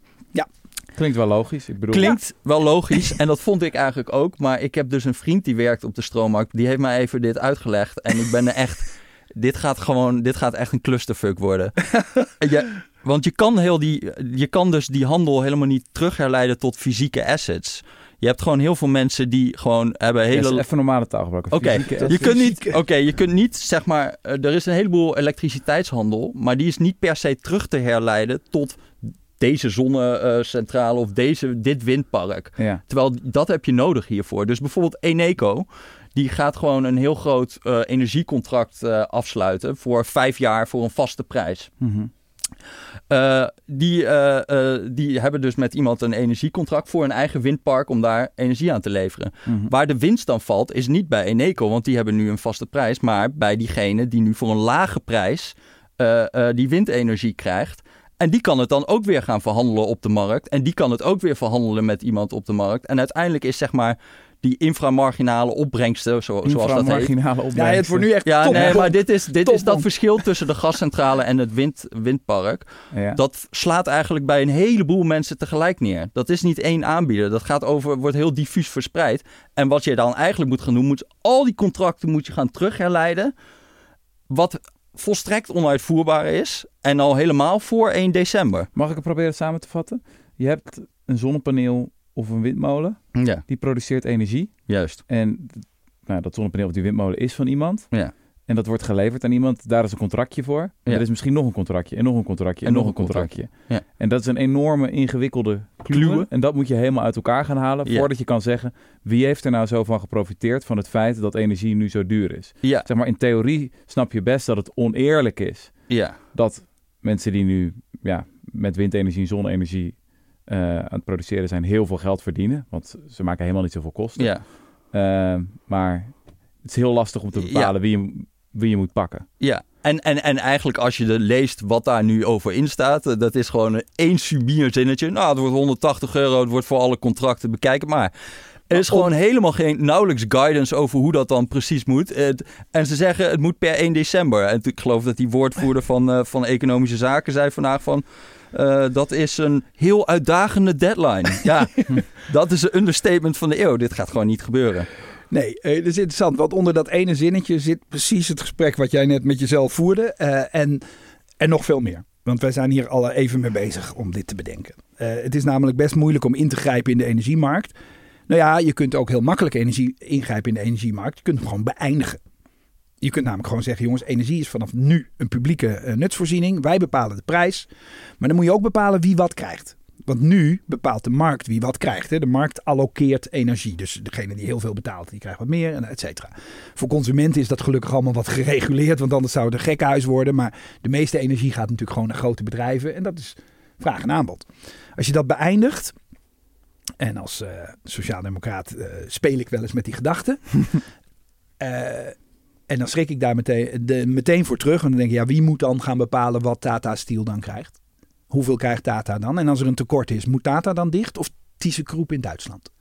Wie bepaalt wat er dan dicht gaat? Als overheden dat moeten bepalen, ik geef het je te doen. Hmm. Dus nou ja, dit is een reden waarom de, de enige terughoudendheid is om de markt meteen te beëindigen. Dus moet je hele slimme manieren vinden om dan toch uh, te interveneren, omdat je ziet dat die overwinsten de pan uitgaan. En toen hebben we bedacht, er is één markt in Europa, en nou wordt het nog wonkier dan je al, uh, dan je al vreesde. Er is de zogenaamde day-ahead-markt. Dus voor, op dit moment bieden allerlei aanbieders van stroom bieden voor, de, voor morgen op de stroommarkt. En vragers. Per en uur. Moet, ja, voor elk uur van morgen wordt dat... En dat moet, ja, dat heeft Jesse allemaal uitgelegd. Ja, ja precies. Dat moet allemaal... Uh, maar op die markt kun je dit heel makkelijk toepassen. Want dat is net als de beurs. Op die markt moet iedereen zijn positie neerleggen. Met het geld wat daarbij hoort. Dus iemand die zegt: Ik betaal morgen 300 euro om twee uur s middag, tussen 2 en 3. 300 euro voor 4 gigawattuur aan stroom. Uh, hier is mijn geld. En die ander zegt: Oké, ik heb 4 gigawattuur morgen om drie, tussen 2 en 3. En ik wil daar 300 euro voor hebben. En die, die legt een, een garantie neer dat hij die stroom ook daadwerkelijk heeft. En als dat 300 euro is, dan zeggen wij als, dan zegt de Nederlandse overheid, nadat we deze regel hebben aangenomen, zegt dat is goed. Dan gaat dus 120 in de pot voor mij. Ja. Dus die bedrijf, dat ene bedrijf krijgt nog steeds 300. Het andere bedrijf betaalt 300. Maar van die 300 zit de overheid er even tussen en die grijpt die 120. En dat kan op de day-ahead-markt, want dat is eigenlijk één. Maar dat is maar 20 à 30 procent van alle transacties. In, in de meeste landen is het 40, 40 procent en dat is precies waar we het op uitgerekend hebben. Dus die, die maar, enorme maar je krijgt jullie Ja. hebben ook niet gezegd we gaan alleen de day-ahead-markt doen, want dan gaat iedereen natuurlijk allemaal bilateraal contracten Nee, maar dat- afsluiten en dat- daar allemaal omheen Nee, maar nou, werken. nou, Dus- nou komt de interessante. Alle bilaterale contracten die. Eh, eh, oh, ho. Ja, jouw punt is van, dan gaat iedereen heel snel contracten afsluiten, zodat ze niet in die... Nee, of dan gaan ze met elkaar gewoon los van die beurs. Dus de beurs is de day-ahead-markt, gewoon Ja. de, de officiële markt. Ja. Maar dan ga je daar omheen werken, omdat je dan die prijscap eh, Precies, eh, krijgt. ja. Dus ze hebben het wel opge jullie hebben volgens mij opgeschreven dat ook dat soort contracten eronder moeten vallen. Maar die zijn totaal niet inzichtelijk. Dan moet je al- alle boeken maar gaan die- open doen. En dat is, Klopt. dat is gewoon een ondoenbaar ding voor december 2022. Maar dat hoeft ook helemaal niet. Want die, die markt gaat over langere termijn contracten. Dan zeg je, ik heb een windpark. Daar heb ik flink in geïnvesteerd. Om die investering terug te verdienen moet ik 20 jaar lang mijn stroom verkopen. eh, voor 100 euro per megawattuur. Dat is best een duur windpark, maar dat is niet eens on, eh, onrealistisch. 100 euro per megawattuur, 20 jaar lang. Sterker nog, als je dat zelf niet bedenkt, dan zegt de banken tegen jou: die zegt, ik, voordat ik jou geld leen om dat windpark te bouwen, wil ik dat jij een contract laat zien. waarin jij die stroom nu al hebt verkocht voor 20 jaar. Al die contracten liggen ver onder de 180. Want ja, je zal niemand, niemand een jaar geleden, toen kostte stroom 40, Ja. 40 euro per megawattuur. Niemand ging voor 180 stroom kopen. Eh, dus die contracten ze- vallen, vallen formeel er wel onder, maar praktisch niet. Op dit moment sluit niemand voor 20 jaar een contract af. Want dan betaal je 20 jaar lang 300 euro per megawattuur. Terwijl de stroomprijs naar verwachting toch over anderhalf, twee jaar, hopelijk misschien drie jaar, maar niet 20 jaar, wel weer richting iets normalere. Het wordt nooit meer zo goedkoop als het was, maar Maar jij zegt Iets dus eh, zo'n contract dus, eh, Ja. van 40 euro. Als jij een lange termijn contract hebt afgesproken van een contract van 40 euro voor die wind, dan val je er niet onder. nee, want dan ben al je, je valt er formeel wel onder. Maar ja, je bent lager dan 180, dus er Ja, valt niks maar- af te komen. Maar daar is ook een, daar is ook een inframargina, sorry, ik Ja? de hele tijd. Maar daar is ook een opbrengst, namelijk degene die, die voor die 40 euro aan de ontvangende partij eh, Maar als- kant staat. maar- en die kan het dan wel weer verhandelen voor de, Klopt. de, de het prijs van 500 Maar euro. als je het op de day-ahead-markt doet, is hij en voor 500 euro, dan krijg, moet hij 320 inleveren. We hebben hier echt over. Nou, zijn alle luisteraars al lang afgehaakt. Dus wat ik nu zeg. Nee hoor, die zitten nu echt met de, Die zitten hier- luisteraars van de Rudy en Freddy Goed, show. Ik wou eigenlijk zo ook nog zeggen, even over de onbalansprijs eh, hebben. Ga je Ja, die ook cappen dan? Eh, de intraday-markt is dat. Eh, en en die, die, is niet, die is gereguleerd. Dus die is niet... die is niet hè, dus Ja, maar wat gaat er dan gebeuren? Dan gaat iedereen dus naar Nee, die nee, onbalans. dat kan niet. Nee, want we hebben gelukkig hebben we ook regels.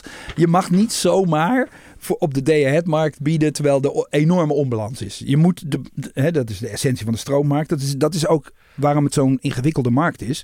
Dat kan je wel zeggen. Bij, bij, bij Tampesta, als er een aanbieder is die zegt ik verkoop voor 400 euro per tube mijn Tampesta, dan denkt iedereen, elke supermarkt denkt, nou die koop ik dus niet. Ik heb nog wel een weekje liggen, dus ik wacht rustig. Die gast die, die, die zakt er maar even in. En dan gaat dat langzaam wel weer naar elkaar toe groeien, aanbod en vraag. Bij stroom, als iemand zegt ik bied morgen, ik lever morgen stroom voor 500 euro per megawattuur. Dan kan de supermarkt, in dit geval eh, Tata Steel, bij wijze van spreken niet zeggen, nou weet je, ik wacht wel even een dagje. Daar heb ik niet Je nodig. kan het niet opslaan. Dat kan niet. Want dan, dan, niet alleen voor Tata, maar voor heel Nederland valt de stroom dan uit. En dan hebben we met z'n allen een veel groter probleem. Dus die stroommarkt is daarmee zo ingewikkeld, omdat feitelijk elke laatste aanbieder, hè, die, die dus zorgt dat vraag en aanbod net matchen, Hm. die is een monopolist. Maar als ik het goed begrijp, Jesse voorspelt een totale clusterfuck. En En jij, Diederik zegt, komt allemaal wel goed. het is Ja, toch dat- onzin dat dit voor december Maar dat- is. Oh, maar dat kunnen we gewoon doen. Dan doen we een podcast ergens in januari. Het lijkt me heel goed bespreken. En ik ben de eerste als het dan, want we hebben wel vaker regelgeving gemaakt die meer op wishful thinking dan op, eh, hè, laten we zeggen, rationele afwegingen eh, rusten. En toch, allereerst, wij hebben geen alternatief hè, dan, dan, dan de realiteit iets te pushen. Dus het feit dat mensen nu zeggen, "Pff, dat lijkt me wel heel ingewikkeld, Nou, maar dat verbaast maar- me niks. Want we pushen echt wel to the limits. En misschien, en daar is dan die podcast in januari voor, misschien wel daaroverheen. Maar en dan is, is, het het niet is gelukt. wel een beetje de vraag van, er komt dan, wordt dan nu ook nog aangekondigd, we gaan in april geloof ik nog een groter plan hebben om de hele elektriciteitsmarkt om te gooien. Ja. Waarom in vredesnaam? Wat is nu eigenlijk het probleem? En waarom moeten we op dit moment zeg maar zo'n discussie gaan openen als je wil dat mensen gewoon investeringsplannen gaan maken en jij gaat zeggen, nou we gaan in april komen met, eh, we gaan het misschien Nee, maar- helemaal helemaal anders Maar dat doen. heeft te maken dat is toch met... best wel een beetje, ik snap, ik snap ook niet echt wat... Wat het probleem is dat je wil oplossen. Want het is gewoon probleem- een hoge prijs. En dat komt door gebrek aan vraag Nee, nee, en aanbod. Nee, er is een ander probleem. En dat, heeft, dat komt door nieuwe manier van opwekking. Namelijk zon en wind. Intermittent, hè, hele bewegelijke eh, energiebron die je niet aan of uit kan zetten. Ehm, nou ja, je kunt ze uitzetten, maar je kunt ze Ja. nooit aanzetten. Want als er geen wind is, ja, dan kun je wel aanzetten, maar dan draait er niks. Dus eh, die nieuwe werkelijkheid, en er wordt in de wereld, in, in, in Brussel en ook in de academische wereld al tien jaar gediscussieerd over de vraag. Die nieuwe werkelijkheid verandert eh, de manier waarop je de prijs van stroom zou moeten vaststellen. Want in die, als je de- het huidige model hanteert, dan is er of een overschot aan stroom en dan krijgt iedereen 0 euro. Of sterker, negatieve prijzen. Mhm. Of er is een enorm tekort en dan hebben we gewoon met z'n allen een enorm probleem. Dus er moet een prikkel blijven om vraag en aanbod precies op elkaar aan te sluiten. En die prikkel verdwijnt als de, de, de volatiliteit van de markt te groot wordt. Want dan is het risico te groot en niemand neemt dat risico. Ja, eentje, de overheid. Mhm. Dus moeten we toch een markt maken met wat meer overheidsbemoeienis dan de afgelopen 30 jaar. Om vraag en aanbod te reguleren. In een ja, samenwerking tussen markt en overheid. En als dat niet lukt, dan is het alleen overheid. En dan hebben we dus net die, die situatie die ik beschreef. Dan reguleer je de prijs en verdeel je de stroom. Maar jij, jij, jij komt nu een beetje aanzetten met de hypothetische situatie dat er zoveel zon en wind straks is dat de prijs bijna altijd nul gaat zijn. Nee, nee, nee, niet altijd. dat- Een aantal uren per, per, Ja. per dag. Dus een, een, een, een deel van het jaar. En daarmee. En aan de andere kant hele hoge case. prijzen. En dat is voor een bank of voor een investeerder natuurlijk gewoon niet te hanteren. Wij moeten op een. Dat is altijd hè, in, in markten, dat gebeurt nu ook. Er worden op al die, die heftige eh, commodity, maar ook eh, aandelenmarkten, optiemarkten, worden altijd gezegd: boven dit bedrag mag je niet bieden. Dan, dan ben je gek geworden. Dan beschermen we je tegen jezelf. Ja. Onder dit bedrag mag je ook niet bieden, want dan stort de markt in. Nou, dat type, daar moeten we met de elektriciteitsmarkt ook aan gaan denken. Want anders loopt het vast. Dat was eigenlijk, die discussie was eigenlijk al begonnen voordat deze oorlog begon. En daarmee het gastekort en daarmee deze Ja, want situatie. het lijkt een discussie die echt zo ver afstaat van de huidige situatie. Nu is het juist dat wind en zon extreem rendabel zijn. Ja. Ja, waren het niet dat jullie die business case een beetje ondermijnen met zo'n prijsplafond. Maar eh, eh, ik bedoel, het is Ja. juist extreem rendabel momenteel door die energiemarkt. En dan gaan jullie, eh, zeg maar, dan nu een soort van eh, fundamentele discussie over een theoretisch probleem, wat dan over een hele Nee, tijd nee. zou gaan komen. En dan denk ik van, waarom nu? Waarom ga je dan onzekerheid creëren nu over wat gaan die plannen zijn in april? Eh ze gaan nu allemaal teams bij energiebedrijven gaan, gaan een beetje gaan zitten gissen waar jullie mee gaan komen in april. Dat is toch ook niet echt handig? Het lot van een, van een regelgever is inderdaad dat je dat soort dingen creëert. Als je het aankondigt. Maar de situatie die jij beschrijft is niet zo theoretisch en niet zo ver weg. Wij hebben met onze doelstelling, en ik zei al, de realiteit loopt daar als een soort golf, vloedgolf, eh, gaat die harder dan wat wij aan doelstellingen stelt. Is in 2030 is 70% van de elektriciteitsvoorziening en misschien wel 75, 75% komt uit stromingsbronnen, zon en wind. En dan heb je die situatie echt al lang te pakken. Dus we moeten voor 2030 die markt op een andere manier inrichten om ervoor te zorgen dat die niet tegen de muur te pletter slaat. Dat is eigenlijk onze opdracht. En dat was al een opdracht. Die wordt nu iets urgenter, want dan komt er weer een nieuwe omstandigheid. Nou, deze gascrisis. Maar hij was er al. En dus moeten we hem ook gewoon voldoen. En doordat hij iets urgenter is, halen we het iets naar voren. Want onze planning was om dat eind volgend jaar te doen. En we doen Mhm. het begin volgend jaar. Wat is het eh, meest obscure en belangrijkste stukje wetgeving eh, waar je mee bezig bent geweest in de afgelopen jaren? Het belangrijkste waar de minste media-aandacht voor is geweest. Ja, die media-aandacht ben ik niet meer zo op gefocust. Dus dat, dat weet ik eigenlijk niet. Maar ik denk dat onze plannen rondom waterstof. eh, Oh, God. het meest. Het me- oh god, Jesse zakt nu. Krijgt nu iemand een zenuwinzinking aan de andere kant van de kamer. Eh, ja, ik denk dat die het meeste verschil gaan maken. Ehm, omdat, omdat waterstof bij uitstek een kip-ei-probleem is. Mhm. Hè, de, de- er is in potentie natuurlijk een enorme vraag. Maar ja, misschien ook wel niet. Dus waarom, als je het gaat maken, loop je het risico dat niemand het koopt. Ja, waterstof even heel snel. Dat is geen energiebron, Bron, maar een maar een energiedrager. energiedrager. Net als gewoon- elektriciteit. Ja, je moet het opwekken en dan heb je het. En dan kun je het ergens anders gebruiken. Ja. Het voordeel, het verschil tussen elektriciteit en waterstof is dat je het niet alleen op een andere plek, maar ook op een ander tijdstip kan Ja. gebruiken. Ja, net als batterijen eigenlijk. Alleen batterijen hebben nog een beperkingen. Dus Ja, batterijen dat- zorgen ervoor dat elektriciteit ook op een ander tijdstip kan worden gebruikt dan dat het gemaakt wordt, maar maar in zeer beperkte hoeveelheden. Ja. Waterstof heeft natuurlijk de potentie om veel grotere hoeveelheden. Eh, en bovendien heb Hoge je. energiedichtheid. Bovendien is het ook een. Het is niet alleen een energiedrager, het is ook een grondstof. En daarmee verschilt het ook van elektronen. En je kunt van elektronen geen kunstmest maken, Mhm. maar van waterstof wel. Eh, en je kunt van elektronen ook geen staal maken, maar met behulp van waterstof kan dat wel. Ja, Eh, dus hè, het is ook een grondstof voor bepaalde sectoren van onze economie. eh, die, die, die we nodig hebben, omdat we anders altijd aan koolstof blijven. En dus altijd CO2 blijven uitstoten. En Mhm. dat, dat wil je in ieder geval zo min mogelijk doen. Mhm. Ehm, totdat je helemaal klimaatneutraal bent. En zelfs negatief. Hè, dat is uiteindelijk waar we naartoe moeten als we zo doorgaan. Nou, waterstof leidt dus heel erg aan dat kip-ei-vraagstuk. Want ik zei al, je kunt het wel... eh, je kunt bijvoorbeeld zoals Tata Steel zeggen... nou, ik zet zo'n oven neer die dus staal maakt met behulp van waterstof. Daar heb je hoeveelheden waterstof voor nodig die beyond imagination zijn. En dus durft Tata dat niet aan. Want wie gaat dat dan maken? Mhm. Nou, degene die het maakt in die hoeveelheden, of zou kunnen maken, die heeft precies de omgekeerde afweging. Die denkt, ik kan het wel hele grote hoeveelheden maken, maar wie gaat het in godsnaam kopen? Mhm. Daar moet je, daar is een overheid voor om daartussen te gaan zitten. En we hebben nu, en dat, dat is talloze malen in de geschiedenis gebeurd, met allerlei producten en ontwikkelingen. Maar nu hebben we heel veel haast en moet het een hele grote omvang. Hm. En daar zijn we nu in Europa mee bezig om dat voor elkaar te krijgen op Europese schaal. Dus dan gaan we op Europese schaal waterstof inkopen als een soort bank. En wij gaan dus tussen kip en ei zitten.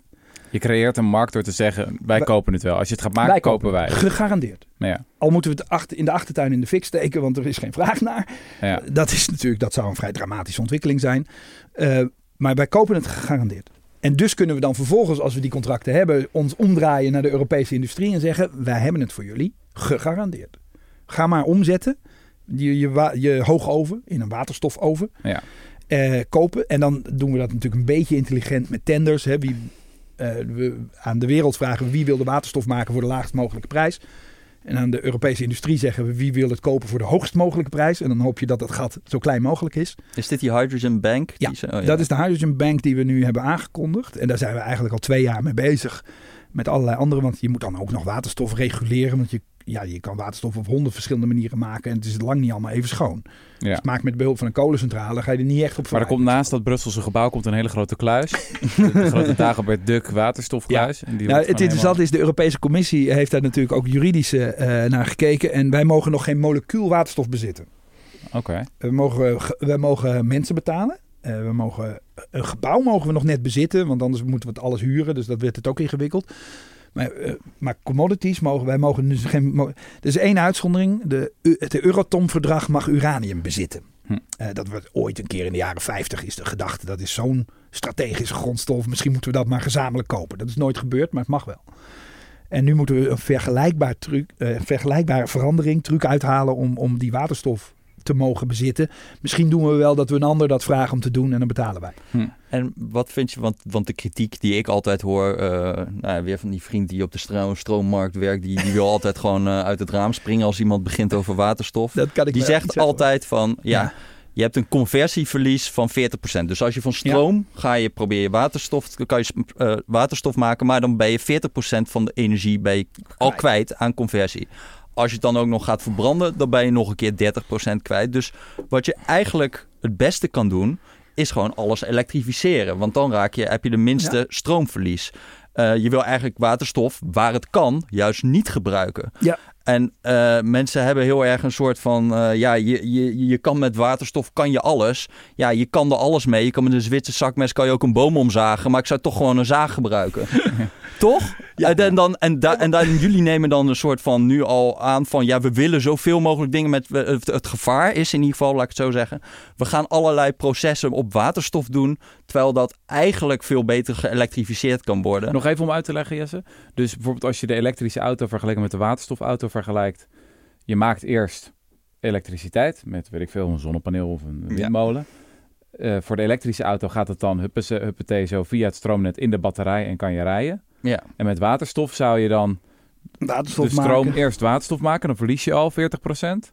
En dan ja. gaat het in de auto en dan verlies je nog. nog een keer door nog de 30%. verbranding. Dus ja, je hebt ja. veel meer stroom eigenlijk nodig. Want Ja. uiteindelijk, daar begint het mee met, het, met die windmolen of dat zonnepaneel. Die moet veel langer draaien om hetzelfde aantal kilometers te rijden. Ja, dus om een voorbeeld te geven, hè, als je Tata Steel dus alleen maar op groene waterstof wil doen, dan gaat dat 21,2 terawattuur eh, le- aan eh, stroom kosten. En dat is meer dan de totale windopwek in Maar Nederland op dit moment. En dat is één fabriek. Maar Tata Steel is een heel goed voorbeeld. Want je zou kunnen zeggen, nou dan moet je gewoon eh, 21 terawattuur opwekken aan elektriciteit. En dat blaas je dan direct eh, die staalfabriek in. En dan heb je... Hè, dan hoef je die waterstofomzetting niet te doen. Het vervelende is, dan heb je hele hete ijzererts, maar nog steeds geen staal. Mhm. Eh, dat is toch echt een andere reactie die je nodig hebt. Dus je hebt waterstof nodig voor bepaalde eh, producten. Maar precies die, oude- die, die vriend van jou moet vooral niet uit het raam springen. Want ehm, op dit moment is 30% van onze samenleving geëlektrificeerd. Dus 30% van ons energiegebruik wordt via elektronen eh, voorzien. We zitten hier in de studio. Hier is 100% geëlektrificeerd. Alles draait hier op elektriciteit. Maar buiten staan allemaal auto's. Die draaien voor een groot deel benzine en Ja. diesel. Nou, jij bent elektrisch komen Ik ben dan elektrisch komen rijden, dus ik ben een voor- voorbeeld van wat er gaat gebeuren. Ja. Dat gaat nog verdubbelen. En, en hou je vast, want dat is al een enorme operatie. Dus we gaan inderdaad het hele personenvervoer en ook vrij groot deel van het publieke personenvervoer en bussen. En treinen rijden al elektrisch. En dan ook nog een vrij groot deel van het vrachtvervoer en misschien wel alles elektrificeren. Dat leidt tot een verdubbeling van de elektrificatie van de samenleving. Van 30 naar 60. En misschien wel naar 70. Dan hou je nog altijd 30% over van energiegebruik wat je niet kunt of zeer moeizaam of heel duur of heel inefficiënt kan En dan elektrificeren. hebben we het vooral voor zware industrie. Zware industrie. Staal, Ja. kunstmest. Ja, daar of vliegverkeer. Of heel eh, zwaar scheepvaart. transport, scheepvaart. Ja. Wij deel gaan heb je sowieso waterstof nodig. Onze ambitie, Nou. voor onze ambitie voor 2030 is met die, met die bank waar die vriend van uit het raam springt, die is 20 megaton aan waterstof. Dat is nog niet een fractie van die 30%. Mhm. Dus wij hebben gedacht, gaat ons beleid nou te veel waterstof creëren hè, voor een efficiënte energievoorziening? Dat risico is vrijwel nul. Ja. Het is daarmee het niet gezegd. wel- Wij weten niet precies waar, waar, die, waar die scheidslijn valt. Hè. Misschien wordt het wel 80-20, misschien wordt het 60-40. Als het gaat over elektrificatie en moleculen, want dat is dan de andere voorziening. Ehm, maar hoe dan ook, wat het ook wordt, die eerste 20 megaton, die hebben we snel nodig. Maar je neemt dus dan wel nu al elektriciteit, neem je weg om er waterstof mee te maken, waardoor er dus heel veel elektriciteit verloren gaat. En we zitten nu juist in een energiecrisis waar we een tekort hebben aan Ja, elektriciteit. voordat, En, en, en laten we even kijken wat het Europese parlement eh, net heeft gedaan. Die hebben dus die additionaliteit geschrapt voor groene waterstof. Dus dat komt er dan eigenlijk op neer. Dat vroeger was het nog zo dat als je groene waterstof wilde gaan maken, moest je ook echt een extra windpark of een extra zonnepark eh, erbij zetten. En nu hebben zij gezegd van nee joh, dat is ook niet meer nodig. Je mag gewoon van de bestaande elektriciteit die er is, mag je gewoon groene waterstof gaan maken. Waardoor je dus gewoon heel erg veel extra energie nu gaat gebruiken om Ja. er allemaal waters, waterstof van te maken. Wat echt totaal ingaat tegen wat we nu nodig hebben op dit moment. Nee. En dat is energiebesparing. En niet dat zou zo zijn, allemaal- dat, zou, dat zou zo zijn als ik morgen 6 gigawatt aan, aan electrolyzer, aan waterstoffabriek zou neerzetten in Europa. Maar dat gaat niet gebeuren. Wat er gebeurt de komende jaren is dat er steeds grotere electrolyzers, want zo heten die waterstoffabrieken, die zetten elektriciteit om in waterstof. Die zetten we in steeds grotere schaal zetten we die overal in Europa neer. En tegelijkertijd gaat wind en zon nog steeds met die exponentiële groei voorwaarts. Onze inschatting, maar goed, dat kan inderdaad. Maar we hebben ook wel echt eh, conservatieve inschattingen gemaakt. Op een gegeven moment heb je die fabrieken zelfs nodig. Die waterstoffabrieken. Want, en dat is gebeurd nu al, er zijn uren per dag, zelfs in Nederland, met die hele lage hoeveelheid duurzame energie die wij hebben, maar zeker in andere landen, waarop er dus te veel stroom is. En dan wordt de stroomprijs nul, of je moet hem zelfs een windpark uitzetten. Stel dat je zo'n waterstoffabriek daar zou hebben staan. Klak, maak je van die stroom, Ja, maar die je anders niet zou heel- kunnen Je hebt gebruiken. net een heel betoog over dat je de elektriciteitsmarkt wil gaan splitsen in groene energie en andere dingen. En dan gaat dit hele ja, verhaal dit- niet op. Nee, natuurlijk. wel, want dit is een onderdeel daarvan. Dit is een onderdeel van het, van het beter afstemmen van, van vraag en aanbod. Waar de markt dat zelf misschien wat minder goed doet. Wij moeten helpen. Dus in onze... eh, De markt doet dat toch juist uitstekend. Als de, de prijs gaat naar nul al op het moment dat Ja, maar die er heel veel... Maar Heel die veel waterstoffabriek komt er niet omdat kip-ei de markt vastlegt nu. Eh verlamd. Hè? Want dat is natuurlijk. De markt kan maar zoveel risico nemen. En waterstofontwikkeling is op dit moment net een te groot risico eh, voor dat soort dingen. In ieder geval op grote schaal en op snelheid die we nodig hebben. Dus we moeten als overheid daarop ingrijpen. En zeggen, joh, wij, wij garanderen dat. En tegelijkertijd zorgt die ontwikkeling ervoor dat we ons stroomnet beter kunnen benutten met heel veel zon en wind.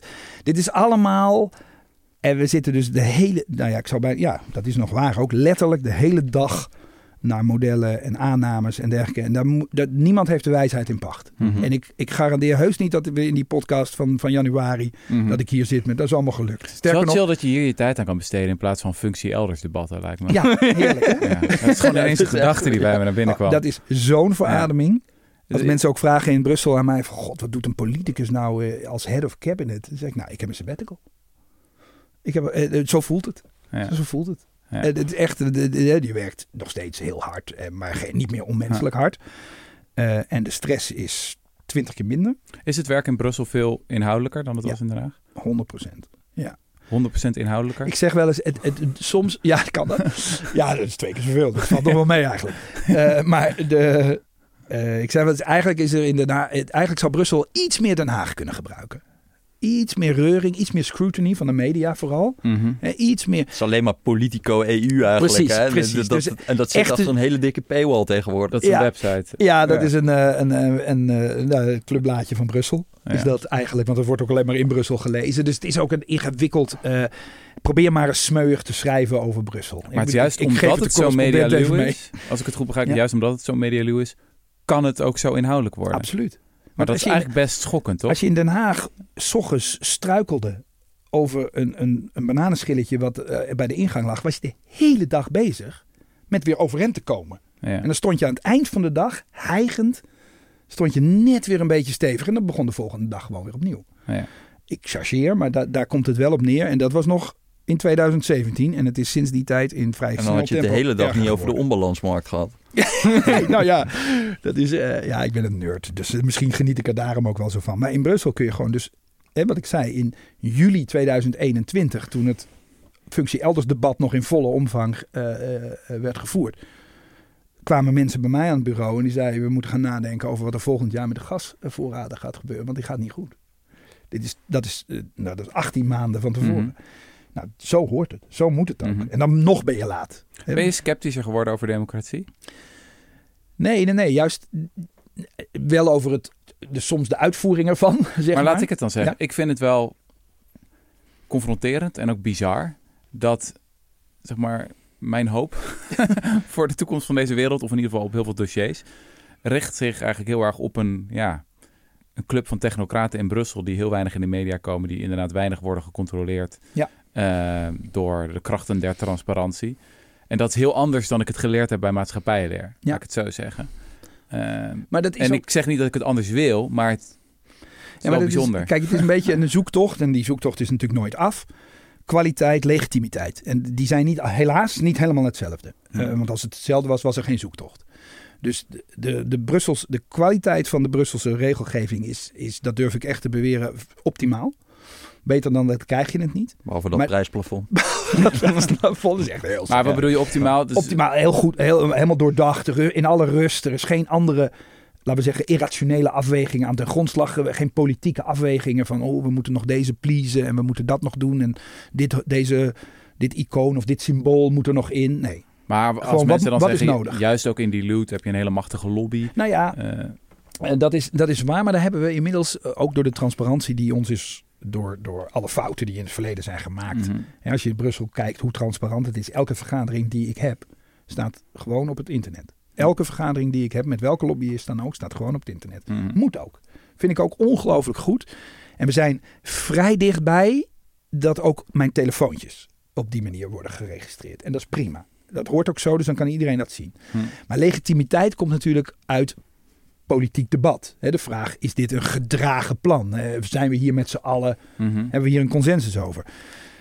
Dat is in Brussel natuurlijk maar matig ontwikkeld. Hm. Par- het Europees parlement eh, is, is een matig ontwikkeld parlement. Is overigens nog steeds wel in snelle ontwikkeling. Je zou kunnen zeggen puber nu, maar nog niet volwassen. Eh, en dat, is, dat, is, dat, dat eh, schaadt de legitimiteit van, het, van de besluitvorming. Je zou kunnen zeggen, in Den Haag is er iets te veel van, de, van dat, hè, dat de gekrakeel in het democratische debat. En dus te weinig mogelijkheden om ook het beleid eh, vorm te geven, laat staan uit te voeren. Want ik, had het, ik heb de indruk dat men daar nog nauwelijks aan toe komt. Maar als je een hele cynische... Ik ga Ja. heel cynisch over de media zeggen hoor. Maar als je ziet van wanneer zij dan eh, over bijvoorbeeld zo'n stofzuigerregel gaan, gaan schrijven. Dat, het wordt er nooit slimmer op. Zeg maar. Als dat in de media komt, dan wordt dat een soort van een heel dom symbool van Ja, iets. ja. En het wordt niet echt uitgelegd waarom dat nou het moet of zo. Dat is gewoon wat zij vaak doen. Klopt. Dus ik vraag mij gewoon heel erg, want ze zoeken een goed verhaal. Er zijn gewoon in de eerste plaats verhalenmakers. En ik vraag mij bijvoorbeeld af of als, het, als we het op nationaal niveau een emissiehandel tot stand hadden moeten krijgen, was dat gelukt? Nee. Weet je wel? Dat, ja, ik denk dat dat dan echt in een verzengende zee van misinformatie en halve waarheden en zo. En ongeduld, hè? Want bijvoorbeeld het emissiehandelssysteem wat, Nederland, wat Europa heeft, werkte de eerste tien jaar echt voor geen meter. En door, Ja. een, door een ontwerpfout, waar al die rationele mensen dus toch een fout hadden gemaakt. Mhm. Nogmaals, hè, we kunnen hier in januari zitten met dezelfde conclusie over dat in jouw ogen hele domme prijs. Ja, dus de prijs was heel laag. Je kon eigenlijk heel goedkoop uitstoten. Eh, Ja. Het werkte voor geen meter. En er was, in de nationale politiek was er dan al lang schande, spoeddebat, tijdlijn, feitenrelatie, afgetreden minister, klaar, einde oefening. Opheffen. Nou ja. Opheffen. Ja. En in Brussel was dat allemaal niet aanwezig. En daardoor had je de mogelijkheid om, om te zeggen, nou, we houden nog even vol. We, we, we, we draaien aan wat knoppen, we tunen het een beetje hier, we tunen het een beetje daar. En bam. Wat zo Wij interessant zijn is dus- dat nationale politiek, of in ieder geval in Nederland, ik weet niet zo goed hoe dat in andere landen is, maar soms lijkt het alsof het halve ambtenappen- ambtenarenapparaat en de politici in Nederland allemaal historici zijn geworden. Die aan het uitzoeken zijn hoe dingen zo mis konden gaan. ja, een, nog een beetje- parlementaire, nog een parlementaire Ja. enquête. We hebben een heel, de, weet je wel, de toeslagenaffaire, eh, een dienst van hoeveel FTE? 1000 1500 FTE. 1500 FTE. Dus zoveel energie en mankracht ja, is eigenlijk gewijd aan de vraag de hele tijd... hoe konden we het zo fout doen in het verleden? En dan is het paradoxale dat je dan in Brussel... heb je een heleboel technocraten die, wel naar de toekomst kunnen kijken. Maar ik zeg erbij, we dat is misschien in Nederland ook een beetje momentopname. Dat is lange tijd hebben we helemaal niet zoveel teruggekeken. Misschien wel iets te weinig. Mhm. Dat halen we dan nu wel dubbel en dwars in. Eh, en, en het is ook niet maatgevend voor Europa. Ik, ik ben nog steeds vrij liefdevol en ook optimistisch, ook over nationale politiek. Hm. Ik zeg er wel bij, eh, misschien is het wel, maar dat is een theorie die ik, eh, die is geheel eh, voor, mijn, voor mijn rekening. De hoeveelheid talkshows in Nederland s'avonds is wel omgekeerd evenredig met de hitte van het politieke debat. Of evenredig met de hitte van het politieke debat en daarmee Mhm. omgekeerd met de kwaliteit ervan. Mm. Dat zie je in andere landen niet. Hè, we- we- ik mag nu eh, vanwege dat ik nu in Brussel zit. Die eh, Habeck die zit gewoon college te geven van die- anderhalf uur en die kan andere die- talkshow. en is Anne Habeck? ja, is de Minister Duitse van minister van Energie. Die van gaat dan helemaal die uitleggen wat de merit order is Ja. en zo. Ja, en die, en die, want in Duitsland, hier heb je dus eh, Jinek, zeg maar. Nou, Ja. daar hoef, je weinig, hoef ik weinig meer aan toe te voegen. Eh, het is prachtig eh, vermaak, absoluut. Maar daar zit een politicus die binnen drie seconden wordt, in de reden wordt gevallen door de, de zanger die aan de overkant zit. Gerrit Joling, ja. En ook een hele eh, pregnante mening over dat onderwerp heeft. Prima. In Duitsland heb je Anne Wiel. Dat is een, een talkshow met één dame en één gast. Dus de talkshow-host Anne Wil interviewt één gast. Anderhalf uur. En dat doen ze elke avond. daar Nou kijken ze naar. elke avond. Daar kijken ze naar. Ja, dat, is dan ook- dat zou in Nederland misschien niet werken. Dus het is alweer, je krijgt de talkshows die je verdient. Maar het is wel waar. Je had het net over media. Dat, dat, maar goed, nogmaals, persoonlijke opvatting. Misschien is het helemaal geen relatie tussen. Maar het valt me wel op. Het valt me op dat in andere landen waar ze die talkshows wat minder hebben. Iets meer rust. Hm. In het, in het, iets meer hoor, niet al te veel. Want Italië, wat overigens het land is met ongeveer dezelfde hoeveelheid talkshows, iets Mhm. minder. Daar zie je het ook eh, totaal uit de hand lopen. Hey, er luisteren eh hordes gretige, jonge, getalenteerde eh, mensen naar de Rudy en Freddy Show. En nu niet meer, maar zo ja, Nee, aan die het zijn, begin van deze show. die zijn er nog steeds, kan ik je garanderen. Eh, wat is je advies aan hen? Ehm, bijvoorbeeld over de verhouding dossierkennis, charisma. Was ik benieuwd naar hoe je daarnaar kijkt. Hoe, hoe belangrijk is, is dossierkennis? Hoe belangrijk is ehm, ja, dat je een beetje die overtuigingskracht, Overtuigingskracht. hebt? Dat je een, echt een mensenmens bent? Ja, ja, nou goed, ik ben het bewijs dat je daar het optima dat de de zoektocht naar de optimale balans daartussen best eh, moeizaam kan verlopen. Eh, want ehm, ik, kijk, ik, ik werk, maar dat, ook, ook dat is een persoonlijke opvatting. Ik denk dat charisma gepaard gaat met dossierkennis. En mijn, of nou, laat ik zeggen, overtuigingskracht. Want ik zou Mark Rutte niet heel veel charisma eh, toedichten, Mhm, maar best wel veel overtuigingskracht. Daarom houdt hij het ook al zo lang vol. mhm. Het is een onderschatte kwaliteit van Mark Rutte dat hij het gehele rijksbeleid uit zijn hoofd kent. Tot de laatste detail. Eh, daar is hij intelligent en leergierig en gedisciplineerd genoeg voor. En dat maakt hem tot een overtuigend politicus. Daar ben ik, van, daar ben ik dan van overtuigd. Mhm. Ik denk dat andersom dus niet werkt. Hè. Zonder dossierkennis is je charisma zo flinterdun dat dat, dat breekt. Heb je daar voorbeelden van? Van politici die Zonder- te weinig dossierkennis... Nou, ik vond, eh, dat mag ik nu wel zeggen, ik vond de premier, de voorganger van Mark Rutte, Balkenende, vond ik niet uitblinken in, in, in hè, de beheersing van het toch best gecompliceerde Nederlandse beleid. En dan wordt het ook lastig, omdat Ja. ga je, dan ga je ook veel sneller dweilen in het debat. Hè. Dus allemaal formuleringen gebruiken die zo vaag zijn dat ze altijd wel waar zijn. Beetje zoals je een horoscoop schrijft. Ja. dat, dat is toch anders dan als je heel specifiek zegt: nee, het zit zo en Ja. daar, daarom ben ik daarvoor of daarom vind ik dat een slecht plan. Ehm, maar helaas is het dus niet zo dat je met heel veel dossierkennis ook een overtuigend politicus wordt. Nou, ik kan me voorstellen dat juist als je het dossier heel goed kent, dan weet je ook waar je met scherp kan schieten Ja. of hoe je dat kan doen. Ja. Dus dat je inderdaad alles weet over die merit order en dat prijsplafond enzovoort enzovoort. En dat, dat zit ook wel eens in de weg, want dan, dan duik je de details in, haakt iedereen af. Ik maakte altijd de fout als politicus dat ik aan de interruptiemicrofoon ging hoofdrekenen. Mhm. Eh, en dan ook nog best gecompliceerd vaak, hè, megawatts, megawatturen. Nou, als je in Nederland, overigens in elk land, aan de, aan de interruptiemicrofoon zegt... we nemen 2 plus 3, dan haakt elke luisteraar onmiddellijk af. Die doet niet eens een poging om 2 plus 3. Die denkt, oh god, een operator. Hè? Dus Mhm. een, een Mhm. plus of een min. Eh, dat kan ik niet.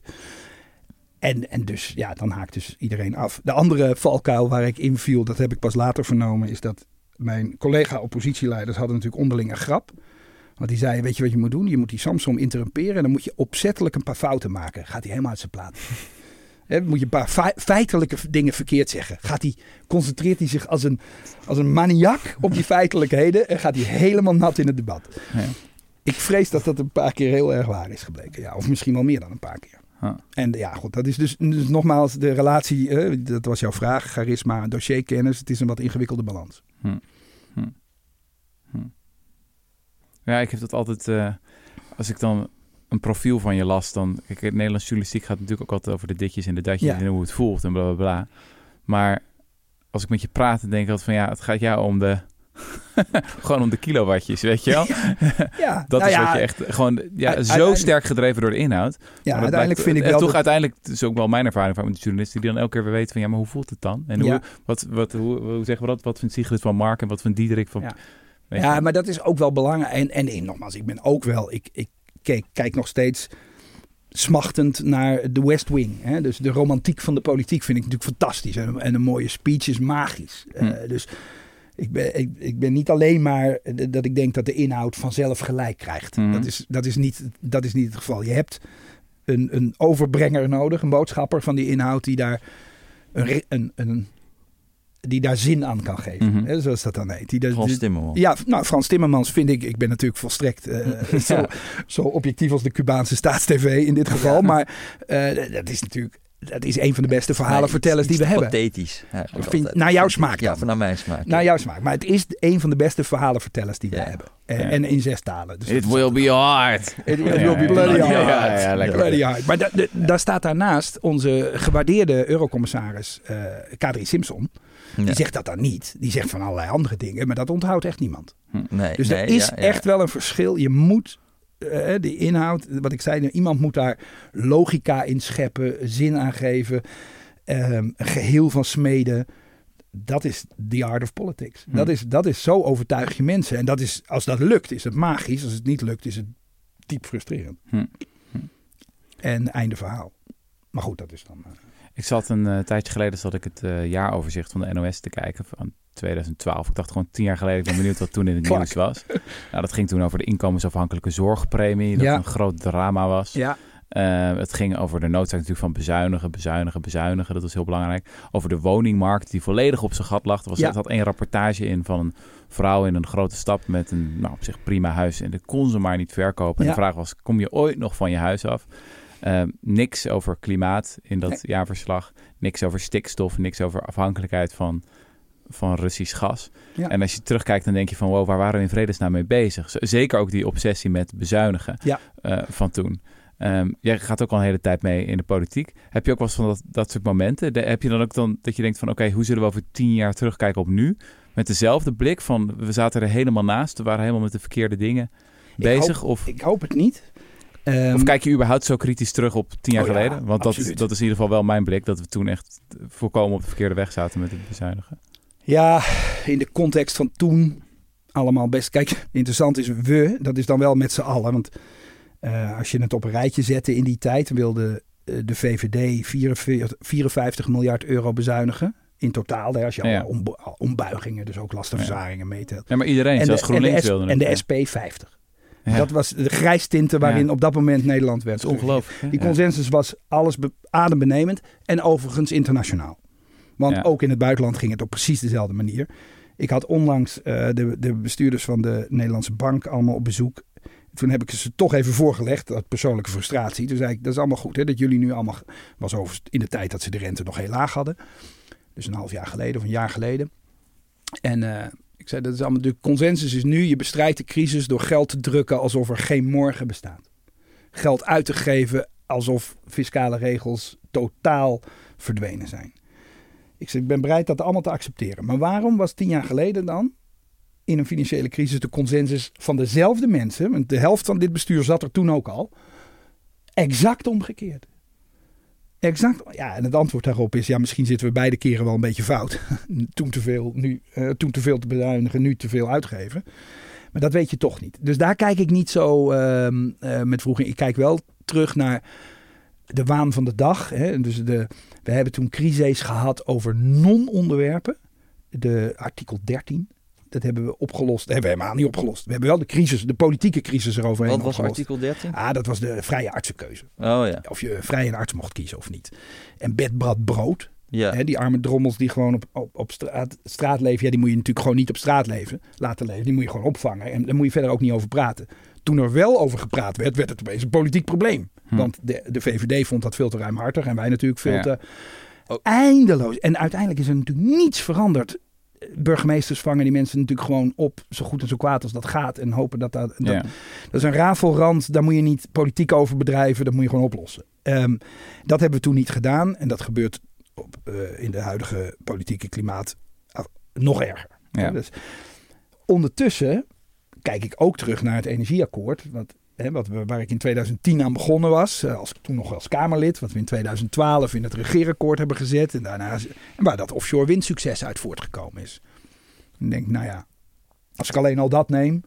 Was en het wel eh, de was jij niet ook Ja. eh, van dat programma aanpak stikstof? Ja, ja, ja.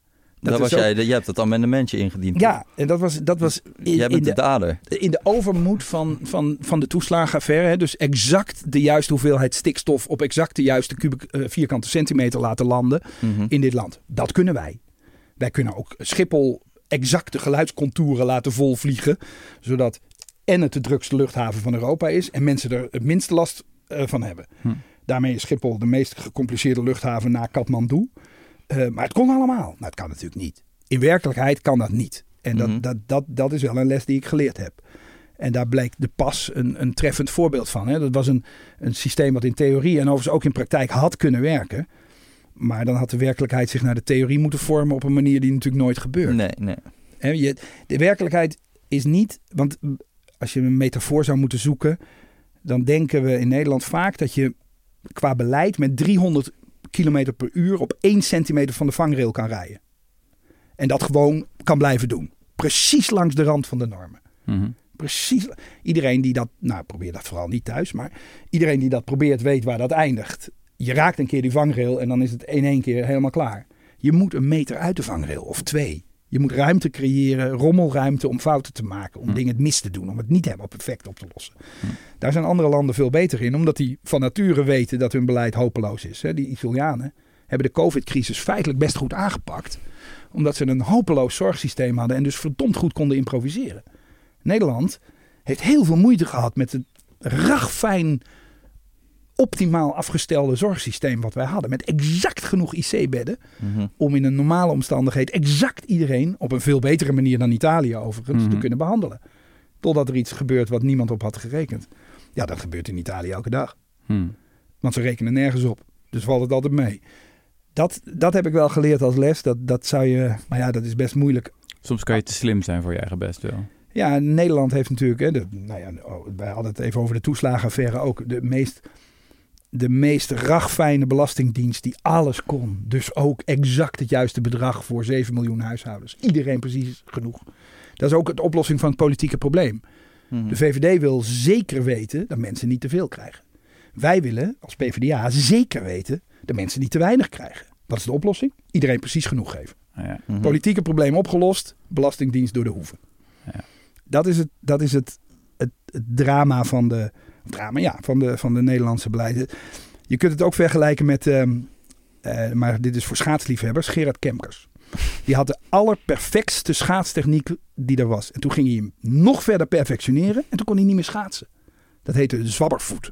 Die is hij gestopt. Darters hebben het, als ze dus de triple 20 elke keer raken, grote darters zijn op een gegeven moment durven ze het pijltje niet meer los te laten. Zo perfect en dan gooien ze alles naast het bord. Gebeurt er niks meer. De Nederlandse overheid heeft last van beleidsdarteritis. zo, heet, zo, heet dat, zo heet die ziekte. Dat is echt een, een fenomeen in de sport. Darteritis. Wauw. Eric Wilbro, de, de, de superkampioen uit de jaren 70 en 80, gooide op een gegeven moment geen pijltje meer dat bord in. Is, is gestopt. Huh. Nederland heeft daar dus ook hè, zo perfect dat het knapt. Mhm. En dat is wel, dat is zonde. Eh, want het, dat, zo perfect, dan had je ook kunnen zeggen, maak het dan net even minder perfect. Dan hou je 20 jaar vol. Hm.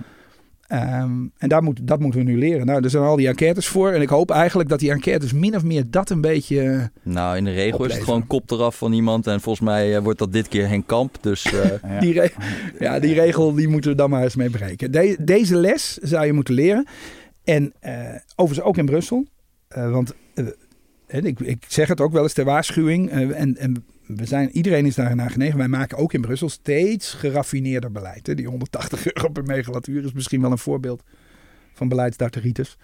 Maar dat, dat je had bespreken het we in nog. Je januari. moet, ja, ik ken nog wel een paar. Nou, laat maar. nog een paar voorbeelden. Yes, had je nog dingen op je lijstje staan? Dit is kans. Nee, ja, maar ik wil ook nog een gaspla dat gasplafond. Daar ben ik ook nog wel benieuwd naar. Maar ja, we kunnen door blijven gaan natuurlijk. Ja, Volgens ik, mij hebben we echt eh, We onze gaan alle, luisteraars alle al luisteraars die... volkomen knock-out geslagen. ja, volkomen. Ja. Sorry. Ik ben Ja. heel erg aan weekend toe. Ja. Eh, ik vond het eh, behoorlijk legendarisch. ja, ik vond het, eh, ik vond het helemaal waarmaken. Ja. Heel veel dank voor je komst. Eh, wat ga je nu doen met de rest van je leven?